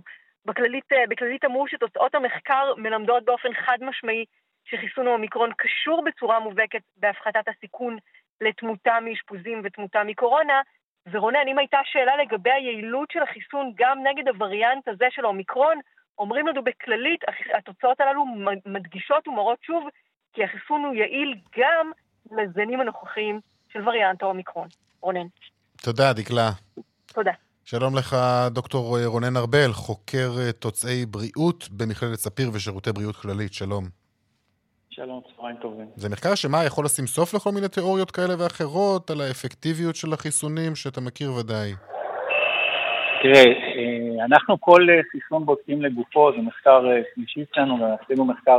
על הבוסטר הראשון, עשינו מחקר על הבוסטר השני, וכל מחקר לגופו, פה במקרה הזה לא היה שום, עד עכשיו לא פורסמו שום נתונים לגבי המועילות של החיסון, ה-FDA אישר אותו על סמך מחקרים ביולוגיים, ולא, אבל לא על סמך מניעת תחלואה קשה ותמותה, ולכן זה מחקר ראשון מסוגו מהעולם. אנחנו לא ידענו, לא היה ודאות שזה עובד, בטח לא בצורה כזאת. עד שאנחנו לא בודקים את זה לעומק, אז באמת אי אפשר לדעת, וזה אחת הסיבות שבאמת ההיענות להתחסנות לא הייתה גבוהה, ואנחנו מקווים שעכשיו שאנחנו, שיש הוכחה שזה עובד באמת, זה ישפר את ההיענות לחיסון בקרב אוכלוסיות בסיכון גבוה, בעיקר אנשים בני 65 פלוס. בוא נתעכב רגע על, על, על המחקר הזה ש, ש, שאתה מנסה, ש, שאתם אומרים שהוא ראשון ומקיף ביותר שנעשה עד כה בתחום. לא, כלומר, אין מחקרים מקיפים שנעשו בעולם לגבי יעילות החיסון המותאם לאומיקרון? לא לגבי תחלואה, לא לגבי אשפוזים ותמותה. זה אושר בנוהל חירום, כמו שאושרו הבוסטרים לפני זה, דרך אגב, מבלי שהיה מחקר או עולם אמיתי או מחקר של החברה שהוכיח שזה באמת משפיע. ככה זה בכל, ה... בכל הסבבים היה וגם בסבב הזה. מה אתם בעיקר למדים מהמחקר הזה? שזה עובד. אני אומר שוב, זה לא מובן מאליו, אנחנו נתן, ה-FDA אישר, וכמובן משרד הבריאות וכללית קידמו את החיסון הזה בעיקר, מכיוון שזה מיועד למניעת אשפוזים ותמותה, בעיקר בקרב 65 פלוס. אבל עד שאתה לא אוסף את כל הנתונים ויש לך מספיק זמן מעקב, אתה לא באמת יודע אם זה משפיע או לא. וכאן אתם מדברים בעצם על ירידה של 81% בשיעורי האשפוז. ושל 86 אחוזים בשיעורי התמותה לעומת קבוצה... מקורונה, כן. לעומת הקבוצה שלא חוסנה. זה, נכון. זו הבדיקה שעשיתם, עם גיל נכון. ממוצע של 75, נכון? של, נכון, של נבדקים? שזה כן. באמת נתונים מדהימים. תראה, זה דומה, הבוסטר הראשון, המחקר שלנו הראה ירידה של 90 אחוז בתמותה. Uh-huh. הבוסטר השני הראה ירידה של 80 אחוז בתמותה. זה איפשהו באמצע. אני מזכיר שהאוכלוסייה הזאת היא... היא כולה מחוסנת קודם, כן? בשביל להיות זכאי לחיסון אתה צריך פחות שני חיסונים, רוב האנשים פה היו עם שלושה או חלק משמעותי גם עם ארבעה. זאת אומרת, זו אוכלוסייה שיש לה כבר הגנה קודמת, חלק גדול גם נדבקו באומיקרון, אבל זה מוסיף עוד, עוד שכבת הגנה משמעותית. האפקטיביות של החיסונים היא נשמרת? למשל, אני, שחוסנתי בשלושה חיסונים בזמנו, אני עדיין נחשב מחוסן? שאלה מצוינת. מרוב המחקרים, שוב, זה כל, כל זן לגופו, זה שיש ירידה באפקטיביות של החיסון לאורך זמן. בזן הדלתא זה החזיק חמישה-שישה חודשים, באומיקרון בגל הראשון שלושה-ארבעה חודשים. כמה זמן החיסון הזה יחזיק? שאלה מצוינת, אנחנו נחקור אותה. מה זאת אומרת תחקרו אותה? כלומר, כרגע אנשים שמחוסנים בשלושה חיסונים לא... אתם לא קוראים להם עכשיו, אין, אין איזושהי קריאה לצאת ולהתחסן בעוד חיסון? לא, מי שמעל, מי שמעל 95 פלוס, בוודאי, ובסיכון או בסיכון אה, מסיבות אחרות, לאשפוז ותמותה מקורונה, בוודאי שקוראים לו להתחסן. כן, ב- אבל קריאה כללית כזאת, כפי שהיו בחיסונים הקודמים. קריאה- כללית אה, היא פחות, כמובן שאפשר להתחסן, אבל שוב, אוקיי, המטרה עכשיו... ולכן המועילות המטרה של עכשיו זה החיסון... בעיקר אשפוזים ותמותה, לא מניעת אה, הדבקות. מהמם. זה בשונה ממה שהיה ב-2021. כן. מה לגבי אה, תופעות לוואי? כי, כי אתם מדברים על מועילות החיסון, וזה דבר חשוב כמובן, אבל בסופו של דבר, בסופו של דבר כן. אנחנו מדברים על פרק זמן שהוא עדיין בעולם הרפואה, הוא לא ארוך מדי כדי לקבל אה, אה, הבנה לגבי מה שקורה בטווח הרחוק יותר. זה משהו שעדיין לא נבדק מן הסתם. מבחינת בטיחות, מבחינת אה? תופעות לוואי, מבחינת השפעות, מבחינת אה, איך שהחיסון הזה אה, מתקבל אצלנו לטווח הארוך. אז אה, קודם כל, אה, אה, לפי כל המידע, תופעות לוואי הם בטווחים יותר קצרים, אבל אנחנו גם חוקרים את הנושא הזה. עכשיו מוקדם מדי בשביל לדעת, כיוון שהתחלנו רק את מבצע חיסונים לפני שלושה חודשים. מה, איזה תופעות לוואי לטווח ארוך יש, אבל אנחנו גם עוקבים, גם נעשה מחקר על הדבר הזה. באיזה סטטוס, פשוט באיזה סטטוס נמצאת היום הקורונה? היא עדיין מלווה אותנו? היא תמשיך ללוות אותנו? אה, א', אנחנו באיזשהו גל, גלגלון, הייתי קורא לו, כן? יש, יש אה, גלגלון, כן.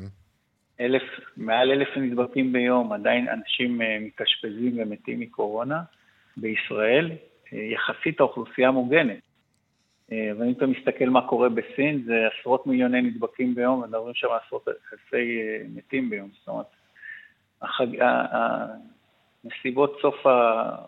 סוף הקורונה עלולות להיות מוקדמות. אגב, מה שקורה בסין קשור לעובדה שהם לא חוסנו אה, בחיסונים המוכרים שאנחנו כן, אה, יש, יש, התחסנו? יש שתי בעיות, יש שתי בעיות בסין, אני קורא להם סוג של בתולים מבחינת קורונה, כי מצד אחד הם, הם חוסנו בחיסונים פחות טובים, אנחנו יודעים שהחיסונים של ה messenger RNA, גם של פייזר ו, אה, ועוד יותר אפילו של אה, מודרנה, אה, הם הכי אפקטיביים, והחיסונים, כל החיסונים האחרים פחות, וגם עבר זמן מעט שהם התחסנו באוכלוסייה, גם חלק גדול לא התחסן, וגם רובם לא נדבקו בגלל שיטת הסגרים. זאת אומרת, האוכלוסייה הסינית היא, היא פגיעה לחלוטין, ולכן שברגע שפתחו, היה סגרים מאוד אכזריים אה, גם ב-2022, נכון, מדיניות האפס הדבקות, כפי שהיא. מדיניות אפס הדבקות שהיא היא קשה מאוד באומיקרון, בזנים האלה מאוד מאוד מדביקים, היה מאוד קשה לה- להחזיק אותה, הם באמת שחררו אותה, וזה פשוט קרע אותם לגזרים, קורע אותם, זה לא, זה עדיין לא נגמר. אה, זנים כאלה או אחרים של האומיקרון. ואנחנו יודעים שסין סין ממש היום או אתמול אה, נפתחה כמעט לגמרי. משהו שצריך כן. להטריד אולי, לא? אה, נפתחה, יש מגבלות, אה, הרבה מדינות שמו מגבלות על מי שנכנס מסין. בסין עצמה הם פשוט הפסיקו לדווח על מספר הנדבקים והמתים, או הפסיקו לדווח על מספר הנדבקים, מספר המתים, הדיווחים אה, Mhm. לא בטוח שהם אמינים, ויש שם גל מאוד מאוד מאוד קשה. אוקיי, דוקטור רונן ארבל, חוקר אה, תוצאי בריאות במכללת ספיר ושירותי בריאות כללית. תודה רבה לך ורק בריאות. תודה. תודה, תודה לכם. להתראות. לבית המשפט המחוזי בירושלים הוגש כתב אישום נגד שניים מהמעורבים בדרדור הפח שגרם לפציעתה הקשה של אה, אה, מירל אה, דז'ילובסקי במהלך הפרת סדר אלימה שהתקיימה בחודש שעבר בעיר. מדובר בקטין וגם בגיר. שלום שוב, עמוס שפירא. כן, שלום אה, שוב אה, רונן, אנחנו זוכרים היטב את המקרה ההוא שהיה בחודש שעבר, הפגנה אה, בלילה לעת ערב של כמה וכמה צעירים חרדיים בירושלים, בסביב איזו חנות של סלו, סלולר. מה- כמה מהם ושניים מהם מואשמים, אבל היו שותפים למעשה הזה עוד כמה מסתבר. היו, רצו בעצם לדרדר צפרדע, מה שאנחנו קוראים פח אשפה. לחסום את הכביש שם. שני הנאשמים, מאיר קצב בן 22 מירושלים וקטין נוסף בן 16 שאומנם גר בירושלים אבל בעצם מקורו אה, באלעד. אגב, לא יש גם עבר או הליכים משפטיים אחרים שמתנהלים בעניינו, אבל הוא קטין ולכן לא נאמר את השם שלו. כתב האישום הזה מייחס להם את הפרות הסדר הללו ברחוב יחזקאל בירושלים, והם רצו להצית את אותו פח אשפה ולחסום באמצעותו את הרחוב. הם הגיעו לשם, באמת עשו את זה עם שלושה כנראה, עוד כמה אחרים. ב- ב- אתה יודע, זה קצת קשה לדחוף דבר כזה, אבל ביחד הם הצליחו והניעו אותו לכיוון מרכז הכביש, אלא שלמרבה הצער הוא פגע בעוצמה במרכז החזה של תושבת המקור, המקום שעברה במקום, נפצעה מאוד קשה, אושפזה, גם מאושפזת עד עכשיו בבית החולים, והנה על כך נציגת הפרקליטות, עורכת הדין יפעת פנחסי נבו, הנה. יש לנו את הדברים? הגשנו היום כתב אישום נגד שני נאשמים, אחד קטין, אחד בגיר, שהציתו ודרדרו פח ברחוב יחזקאל בירושלים. בעקבות מעשיהם אישה נפגעה באופן קשה, היא הייתה בסכנת חיים במשך שבועיים והיא עדיין מאושפזת בבית החולים. אנחנו נעשה כל שביכולתנו לפעול בחומרה נגד אנשים שמתנהגים בצורת שלוחת רסן, גורמים לפגיעה של עוברי אורח. כן, מואשמים, צריך לומר, בכמה וכמה עבירות חבלה חמורה בנסיבות מחמירות, בהצתה, סיכון דרכים, הפרעה לשוטר במילוי תפקידו. בית המשפט סיים אה, לדון אה, בבקשה להארכת מעצרם. הדיון במעצר עד תום ההליכים יתרחש אה, בהמשך.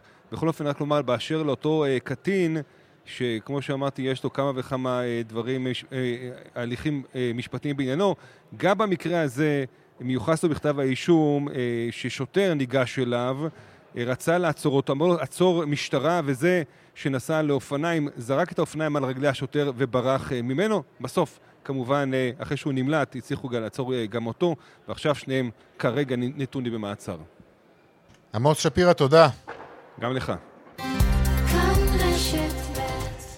באבו דאבי נפתח הבוקר מה שמכונה פורום הנגב. במפגש הזה השתתפו שורה של מדינות, בהן איחוד האמירויות הערביות, בחריין, מצרים, מרוקו, ארה"ב וגם ישראל.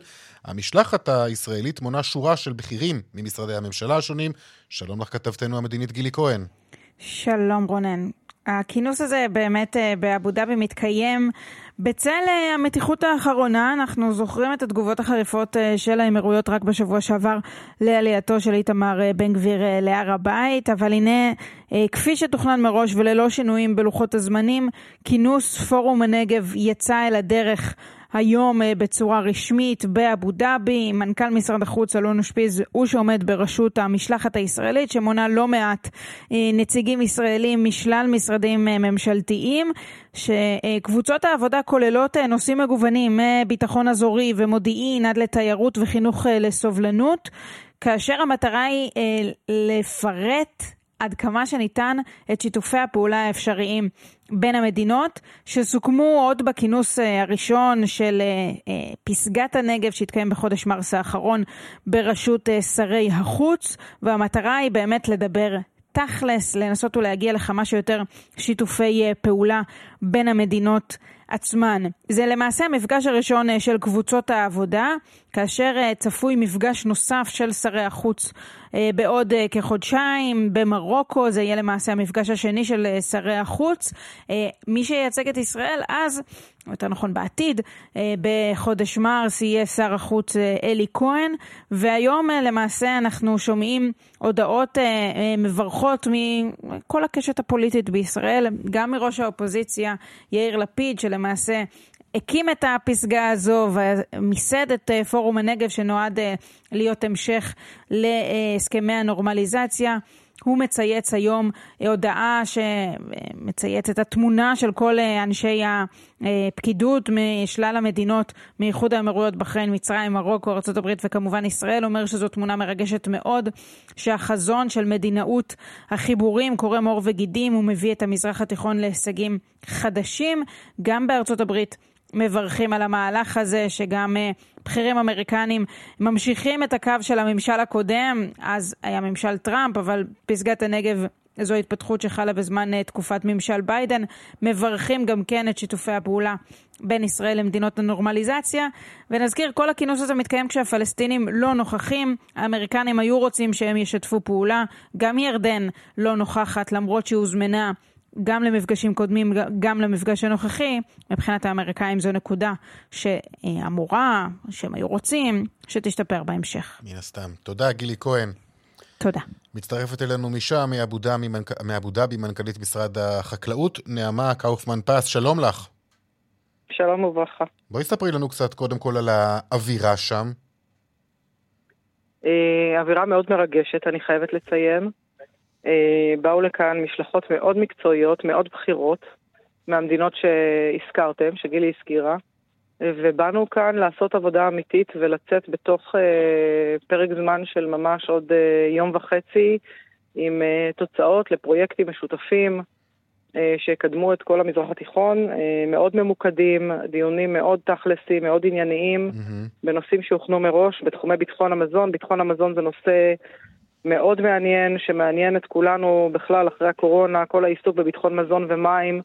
הוא התחום שאני מובילה בתוך, ה, בתוך האירוע אז רגע, בואי, בואי, עוד, לפ, עוד לפני ו... שנגיע לנושאים כן. המקצועיים, וזה חשוב באמת לדבר עליהם, ביטחון המזון, כמובן סוגיית החקלאות, אה, המים, אה, אני עדיין ב, ב, ב, באווירת האווירה שם. אה, נושא, הזכירה את זה גם גילי כהן בתחילת אה, דבריה, כמו עלייתו של בן גביר להר הבית, זה, זה נושא שנמצא באוויר, בתוך ה... אני לא יודע, את יודעת מה, אולי לא בתוך הדיונים המקצועיים, אבל נמצא אולי באווירה, מייצר אי נוחות, אולי מתיחות? בוא, אני פוליטיקאית מאוד קטנה, אני מנכ"לית מקצועית מאוד, באנו לדיונים מאוד מקצועיים, אני חייבת לציין שכולם פה, אנחנו, האירוח הוא על ידי האמירתים, שמו אותנו במקום אחד שבו גם מתקיימים הדיונים, גם אנחנו נמצאים, אנחנו אוכלים ביחד, נמצאים ביחד כל היום, הדיונים מאוד נעימים, הכרנו אחד את השני ואנחנו מתמקדים אך ורק במקצועי, השיח ממש מתמקד סביב הנושאים המקצועיים המשותפים והאופציות לשיתוף פעולה, זה ממש mm-hmm. כל סוג השיח, מההתחלה ועד הסוף. אז מה אנחנו יכולים לתת להם ומה הם יכולים לתת לנו, ובמה שיתופי הפעולה האלו יכולים לבוא לידי ביטוי? אז אה, קודם כל העניין במדינת ישראל, באמת, מאז, אה, בטח בשנים האחרונות, סביב כל נושא הידע, החדשנות, המחקר והפיתוח, הם עצומים. נושא של ביטחון המזון הוא נושא מאוד רחב, אבל בסוף הוא מתפרק להרבה מאוד נושאים בתחום החדשנות, האגריטק, הפודטק, פיתוחי המים שלנו, התעשייה הישראלית מאוד מעניינת, החברות סטארט-אפ שלנו מאוד מעניינים, והחיבורים שעשינו, וכמובן זה אה, שיח מאוד מאוד רחב שמעוניינים בידע ישראלי. אה, תמיד אה, התעניינו במדינת ישראל בגלל הדברים האלה, ובאמת למדינת ישראל יש המון המון מה להציע. וגם זו הזדמנות מאוד גדולה לחברות ישראליות לפרוץ לשווקים חדשים ולהגדיל את הייצוא של מדינת ישראל, שזה ערך מאוד גדול. אה, בלקבל, יש לנו כל מיני הזדמנויות לשיתופי פעולה אזוריים. לדוגמה, mm-hmm. אה, למשל בנושא שיתופי אה, פעולה בנושא מחלות בעלי חיים, בסדר? או, או מזיקים. לבעלי חיים אין גבולות. והצורך בשיתוף פעולה אזורי כדי שלצורך העניין מחלות uh, של צומח לא יחדרו למדינת ישראל, הן הזדמנויות גם לישראל להרוויח משיתופי פעולה כאלה.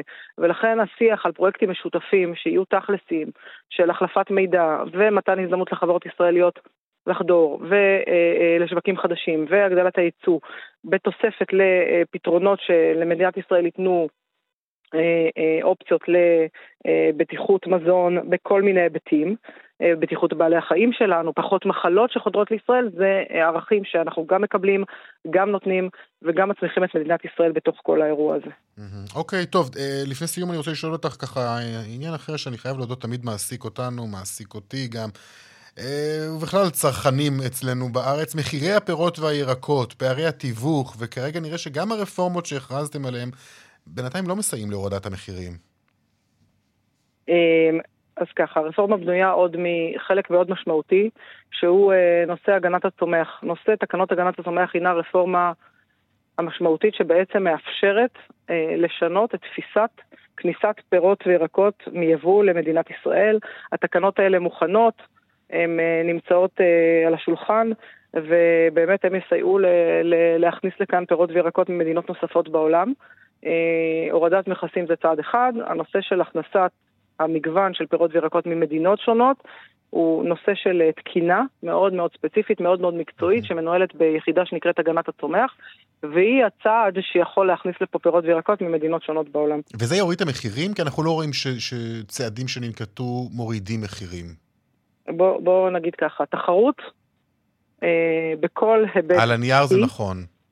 אז זה, זה לא רק על הנייר, אנחנו רואים את זה בנושאים רחבים מאוד, אה, בנושאים כלכליים רחבים. עדיין מוכרים כאן אננס תחרות. ב-30 שקל, למרות שגם נכנס יבוא. ולכן, אם ימכרו הרבה מאוד אננס מ- על ידי הרבה מאוד אנשים שיביאו אננס או יבואנים שיביאו ממקומות שונים בעולם, אה, תחרות מביאה להורדת מחירים, אה, מגוון מביא להורדת מחירים, וכמובן כל צרכן בוחר מה הוא קונה, מאיפה הוא קונה ומאיזה מדינה הוא קונה. הדבר הזה הוא תפקיד שלנו, להביא מגוון רחב מאוד. זה נכון ליוגורטים וזה נכון לפירות וירקות, זה נכון לבגדים, זה נכון לכל ענף, שבו מגוון מייצר, אה, מגו- מגוון מייצר בחירה, והבחירה מייצרת תחרות. אוקיי. אה, תודה רבה לך, אה, נעמה קאופמן פס, מנכ"לית משרד החקלאות מאבו דאבי, בעיצומו של אה, פורום הנגב שם. אה, תודה רבה לך ובהצלחה, כמובן. תודה רבה. להתראות. פרסומות. כאן רשת ב' ספורט. שלום ליאן וילדאו. שלום שלום רונן, צהריים טובים. צהריים טובים. כדורסל על ראש שמחתנו. ראשית הייתה מיני שערוריה אתמול אה, ככה ביד אליהו, שבה השופטים הלכו למסך הוידאו אה, והחליטו החלטה בעזרת מסך הוידאו שהם לא היו אמורים להחליט, אה, וזה עזר למכבי תל אביב לנצח באיזשהו אופן את הפועל חיפה. אז, בשתי הערכות שם, זה היה... נכון, נכון. אז uh, הוועדה המקצועית של איגוד השופטים uh, באיגוד הכדורסל uh, ישבה על העניין ואמרה, נכון, טעו, אין מה לעשות. הלכו, בדקו, רגע, לא על מה הייתה הטעות? Uh, הייתה חסימה מתחת לסל, כלומר, uh, uh, שחקן הכניס את היד מתחת לסל וחסם באמצעות זה את סורקין. הם לא ראו את זה בזמן אמת, הם חש... פשוט הלכו למוניטור כדי לראות אם חוץ וכמה זמן נשאר. וברגע שהם ראו במוניטור הם תיקנו את ההחלטה. אז זה לא היה אמור לקרות על פי התקנון של הבדיקה, אז עשו סדר בעניין הזה, מודה ועוזב ירוחם, לפחות בעניין הזה, זה לא שינה כרגע את התוצאה, מכבי תל אביב המנצחת. אבל עם כל הכבוד למכבי תל אביב ולהפועל חיפה, יש לנו גם מישהו שעושה חיל uh, בהפועל גליל עליון, שמנצחת משחק נוסף אתמול את הפועל ירושלים, uh, ונמצאת בכלל בתקופה טובה, כולל האיש שמדבר איתנו, איתי מושקוביץ', שלום איתי. אהלן, מה נשמע? עוד חודשיים בן 23, אה, ואתה, לאט לאט מדובר בך כבר כשחקן נבחרת ישראל. אתמול, 25 נקודות זה שיא קריירה. ספר לנו קצת קודם כל אה, עליך, איתי, כי הציבור המאזינים שלנו אולי קצת פחות מכיר אותך. אה, טוב, אני קוראים לי איתי מושקוביץ', אני באמת עוד חודשיים בן 23. אה, גובה? גובה? מטר תשעים ושתיים. אה, גדלתי באקדמיה של גלבוע מעיינות, סיימתי גיל נוער, עשיתי שנה בארצית במכבי רמת גן בפרויקט של שחקן אמיתי. אחרי זה עברתי לליצור נתניה בליגה הלאומית, זה גם היה תחת שחקן אמיתי. אה, בשנה השנייה שלי בנתניה עלינו ליגה לליגת העל, וזה בסוף לא התממש בגלל כל מיני דברים בירוקרטיים.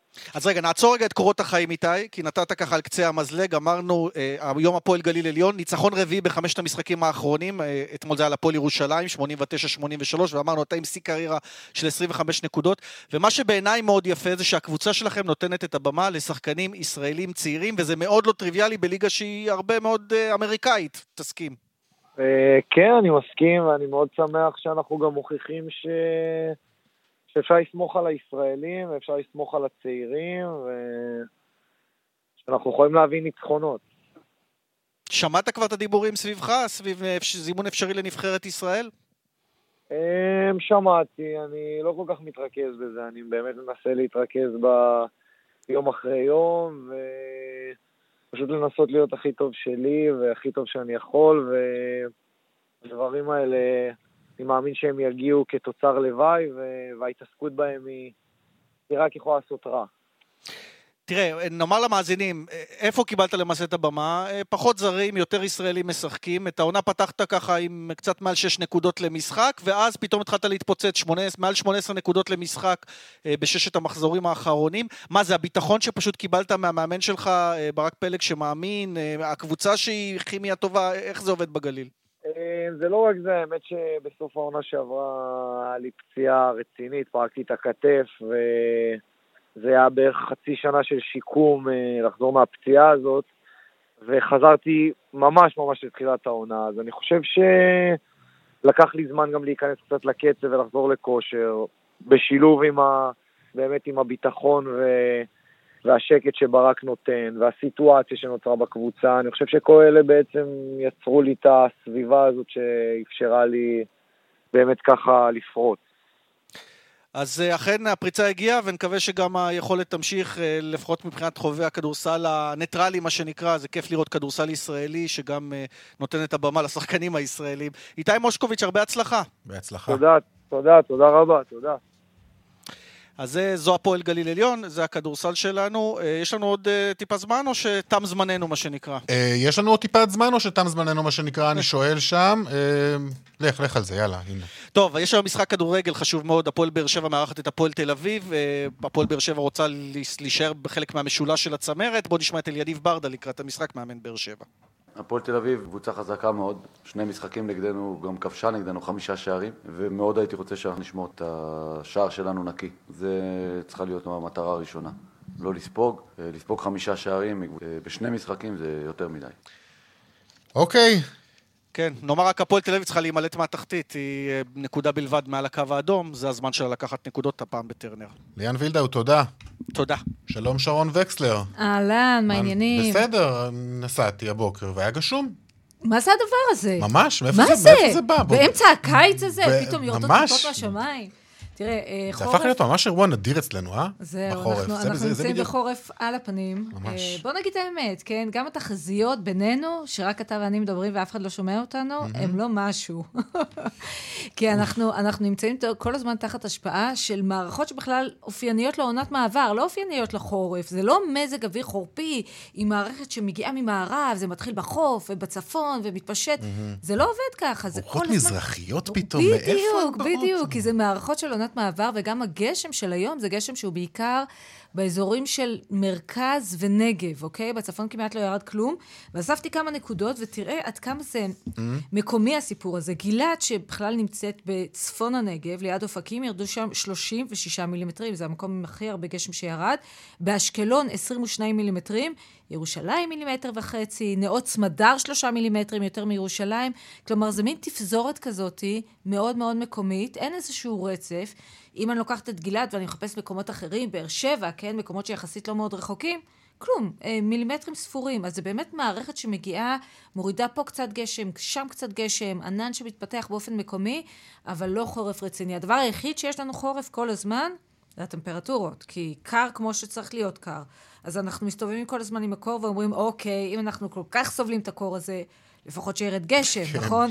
זה אותנו. לא קורה. לא. אז uh, ככה מעט גשם, ואנחנו כבר בשעות אחר הצהריים, יותר נכון לקראת ערב, כל הסיפור הזה ייגמר. שוב קצת גשם ביום חמישי, וזהו. בשלב הזה. זה באמת עצוב.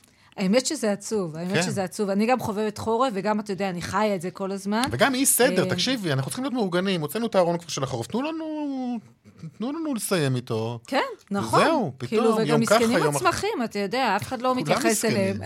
כולם מסכנים. לא, אבל הצמחים, אנחנו לא מתייחסים אליהם בכלל, כי אנחנו אומרים חורף, נכון? אני לא משקה כלום, והגינה נראית מזעזע.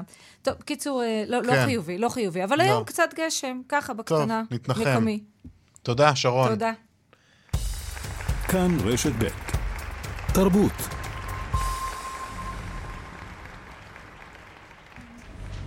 שלום דורית אה, אסף מזרחי, מה צהריים שלומך? טובים רונן, אני לא יודעת למה אתם מתלוננים, אם היה מבול היינו מתלוננים שיש מבול, אז יש לנו קצת חורף וזה נחמד, לא, וזה אנחנו מספיק רוצים לי, אני בן אדם. של אה, אנחנו קיץ, של רוצים שמש. חורף טוב ובריא ובעיתו. ואיתו, והגינה שלה נראית נהדר, אני אעיד על זה. תקשיב, זאת השעה הזאת שהבטן כבר מקרקרת, ואני לא הולכת אה, לעשות לך חיים קלים. מועדון הזאפה בירושלים חוגג עשר שנים להשקתו בסדרה חד פעמית של אה, מופעים וגם אה, מנות שף. השפים של אה, מיטב המסעדות בירושלים יתארחו במועדון הזאפה ויציעו גם תפריט משלהם, וכשכל אחד מהם מצווק לו איזשהו אומן, ביום חמישי הקרוב, הזמרת דיקלה תופיע שם. ומי שיהיה אחראי על הצד הקולינרי הם קרן ואיציק קדוש מקפה קדוש, אחד ממקומות החובה כשמסתובבים פה בעיר, אז בוא נגיד שלום לאיציק. אהלן, מה העניינים? מה שלומך? מעולה. אז מה אתה מכין לנו ביום אה, חמישי? אני בטוחה שרונן רעב, אז בוא נפרט לו ממש. אז uh, הלכנו על קו שאנחנו uh, עשינו אותו כמה פעמים uh, במקום, בוא נגיד בבית קפה הישן שלנו, uh, אחורה, ואז החלטנו שאנחנו מורידים דגים ועכשיו אנחנו מחזירים אותם במקום החדש שאנחנו גודלים. אה, אז אנחנו מתחילים להראות לאנשים לפחות, פחות או יותר מה יהיה הקו שלנו במקום החדש שלנו, והכי כיף לפרגן לחברים פה בזאפה ובכלל בירושלים. אז אנחנו נגיד שאתם אה, מסעדה חלבית עם מאפים באמת באמת מטורפים. יש משהו שאני אוכלת אצלכם ואני אוכל גם בזאפה? אה, לא, מה שאתם תאכלו עכשיו זה מנות שכרגע אה, היו קיימות בעבר ואנחנו עושים להם אה, פרזנטציה חדשה. אז זה הולך להיות, אבל השמות הם אה, שמות של אה, אחד מהם לפחות הוא- הוא מעולם הקונדיטוריה. אנחנו עושים נפוליאון דג טונה אדומה. זה קרקרים שאנחנו מכינים, אנחנו אוהבים לשלב קונדיטוריה יחד עם מטבח. אז אני הולך להכין קרקרים מגרעיני חמניה, דלעת, פסטן, סומסום, לעשות אותם טיפה לפיקנטי, להוסיף להם קצת אה, צ'ילי, ועל זה אנחנו בונים מנה כמו נפוליאון. אנחנו נעשה סביצ'ה טונה אדומה, ויהיה לנו אה, קרם של אה, אבוקדו ועוד איולי בטעמים מסוימים, ועל זה בונים את המנה, זה נראה מטורף, זה טעים למות. אני לא יודעת אם אני הולכת זה לשמוע את דקלה או לאכול. אצל קדוש. איך נדע שזה... תקשיבי, דורית, מעכשיו אייטמים כאלה על אוכל, זה חייב לבוא עם אה, אולפן... דוגמה, אה, כן, אתה נו מוזמן מה, ביום חמישי בערב לפתוח לזאפה. שולחן פה באולפן. תכלס אתה צודק, היית צריך לבקש דוגמה לפני. אני נכון. מסביר, אתה תואם, ואתה מהנהן בראש, זה זה הפורמט, ככה כמה זה זה עובד. בדיוק. אבל אתם את הפורמט הזה גם באיחור ברדיו, של- לא רק בטלוויזיה. איציק, אתה וקרן עושים עוד המון דברים, אתם הוצאתם ספר, יש לכם תוכנית טלוויזיה מקסימה, מה עוד? אה, תראי, עכשיו אנחנו על הפרויקט הגדול של אה, קדוש, אנחנו גודלים, אנחנו כבר מעל שנתיים בשיפוץ עם כל ההיתרים למיניהם ובירוקרטיה שהיינו צריכים לעבור. אני מקווה שעוד חודשיים אנחנו מסיימים שם את כל הנושא הזה. קדוש יגדל מבחינת ה-facility, זה היה הדבר שיותר חשוב לנו. מטבח יותר גדול, אזור מכירה ענקי, ויטרינה מטורפת שאפשר להציג יותר דברים. אני עובד על אה, שישה סוגי והתור, לחמי בוטיק. והתור. אנחנו מקווים לצמצם אותו על ידי הגדילה הזאת, כי אנחנו מפרידים בין המסעדה לבין המכירה. אתה יודע, שווה לקנות כרטיס ליום חמישי רק כדי לדלג על התור בקדוש. לא, שווה לבוא, כי אנחנו עושים באמת איזה כמה מנות באמת מגניבות. יהיה גבב דג ים, גם כן משולב עם בריאו שמן זית שלנו. על ה, על ה... אנחנו משלבים את הדגים, כאילו הכל כבר יושב לך ביחד על בריאו שמן זית עם ירקות צרופים ומעל קבב דג ים אה, מבר ים. אז נראה לי רונן שיש לנו אה, אבל מה כן, לעשות ביום כן, חמישי כן, בערב. נו, אה, בדיוק, חובה כמה אפשר לבוא לדבר על לשמוע אוכל? גם את המוזיקה וגם את ה... לשלב אוכל ומוזיקה ביחד, זה תמיד עובד. איציק קדוש, תודה רבה. תודה לך. תודה לכם. תיאבון. יש לנו עוד קצת זמן למוזיקה, אנחנו נשמע את דקלה, אם אני לא מתנצלת שהיא כתבה ללחן שהצטרף אליה גם אה, עידו אוחיון. אני קצת מתנצלת, רונן, שלא הבאתי לך משהו כל לאכול. הזמן על האוכל, וזה בסדר. תודה דורית, להתראות. תודה. בחצי היום סיימנו ערכה את התוכנית אפרת וייס, הפיקו יעל שקד ועמית כהן, טכנאי השידור דני רוקי, סייע בהכנה שמעון דוקרקר, בדיגיטל אוריה בן משה. תודה לכם על ההאזנה, המשך יום טוב שיהיה לכם. להתראות, מיד אחרינו השעה הבינלאומית עם ערן סיקורל. להתראות, ביי.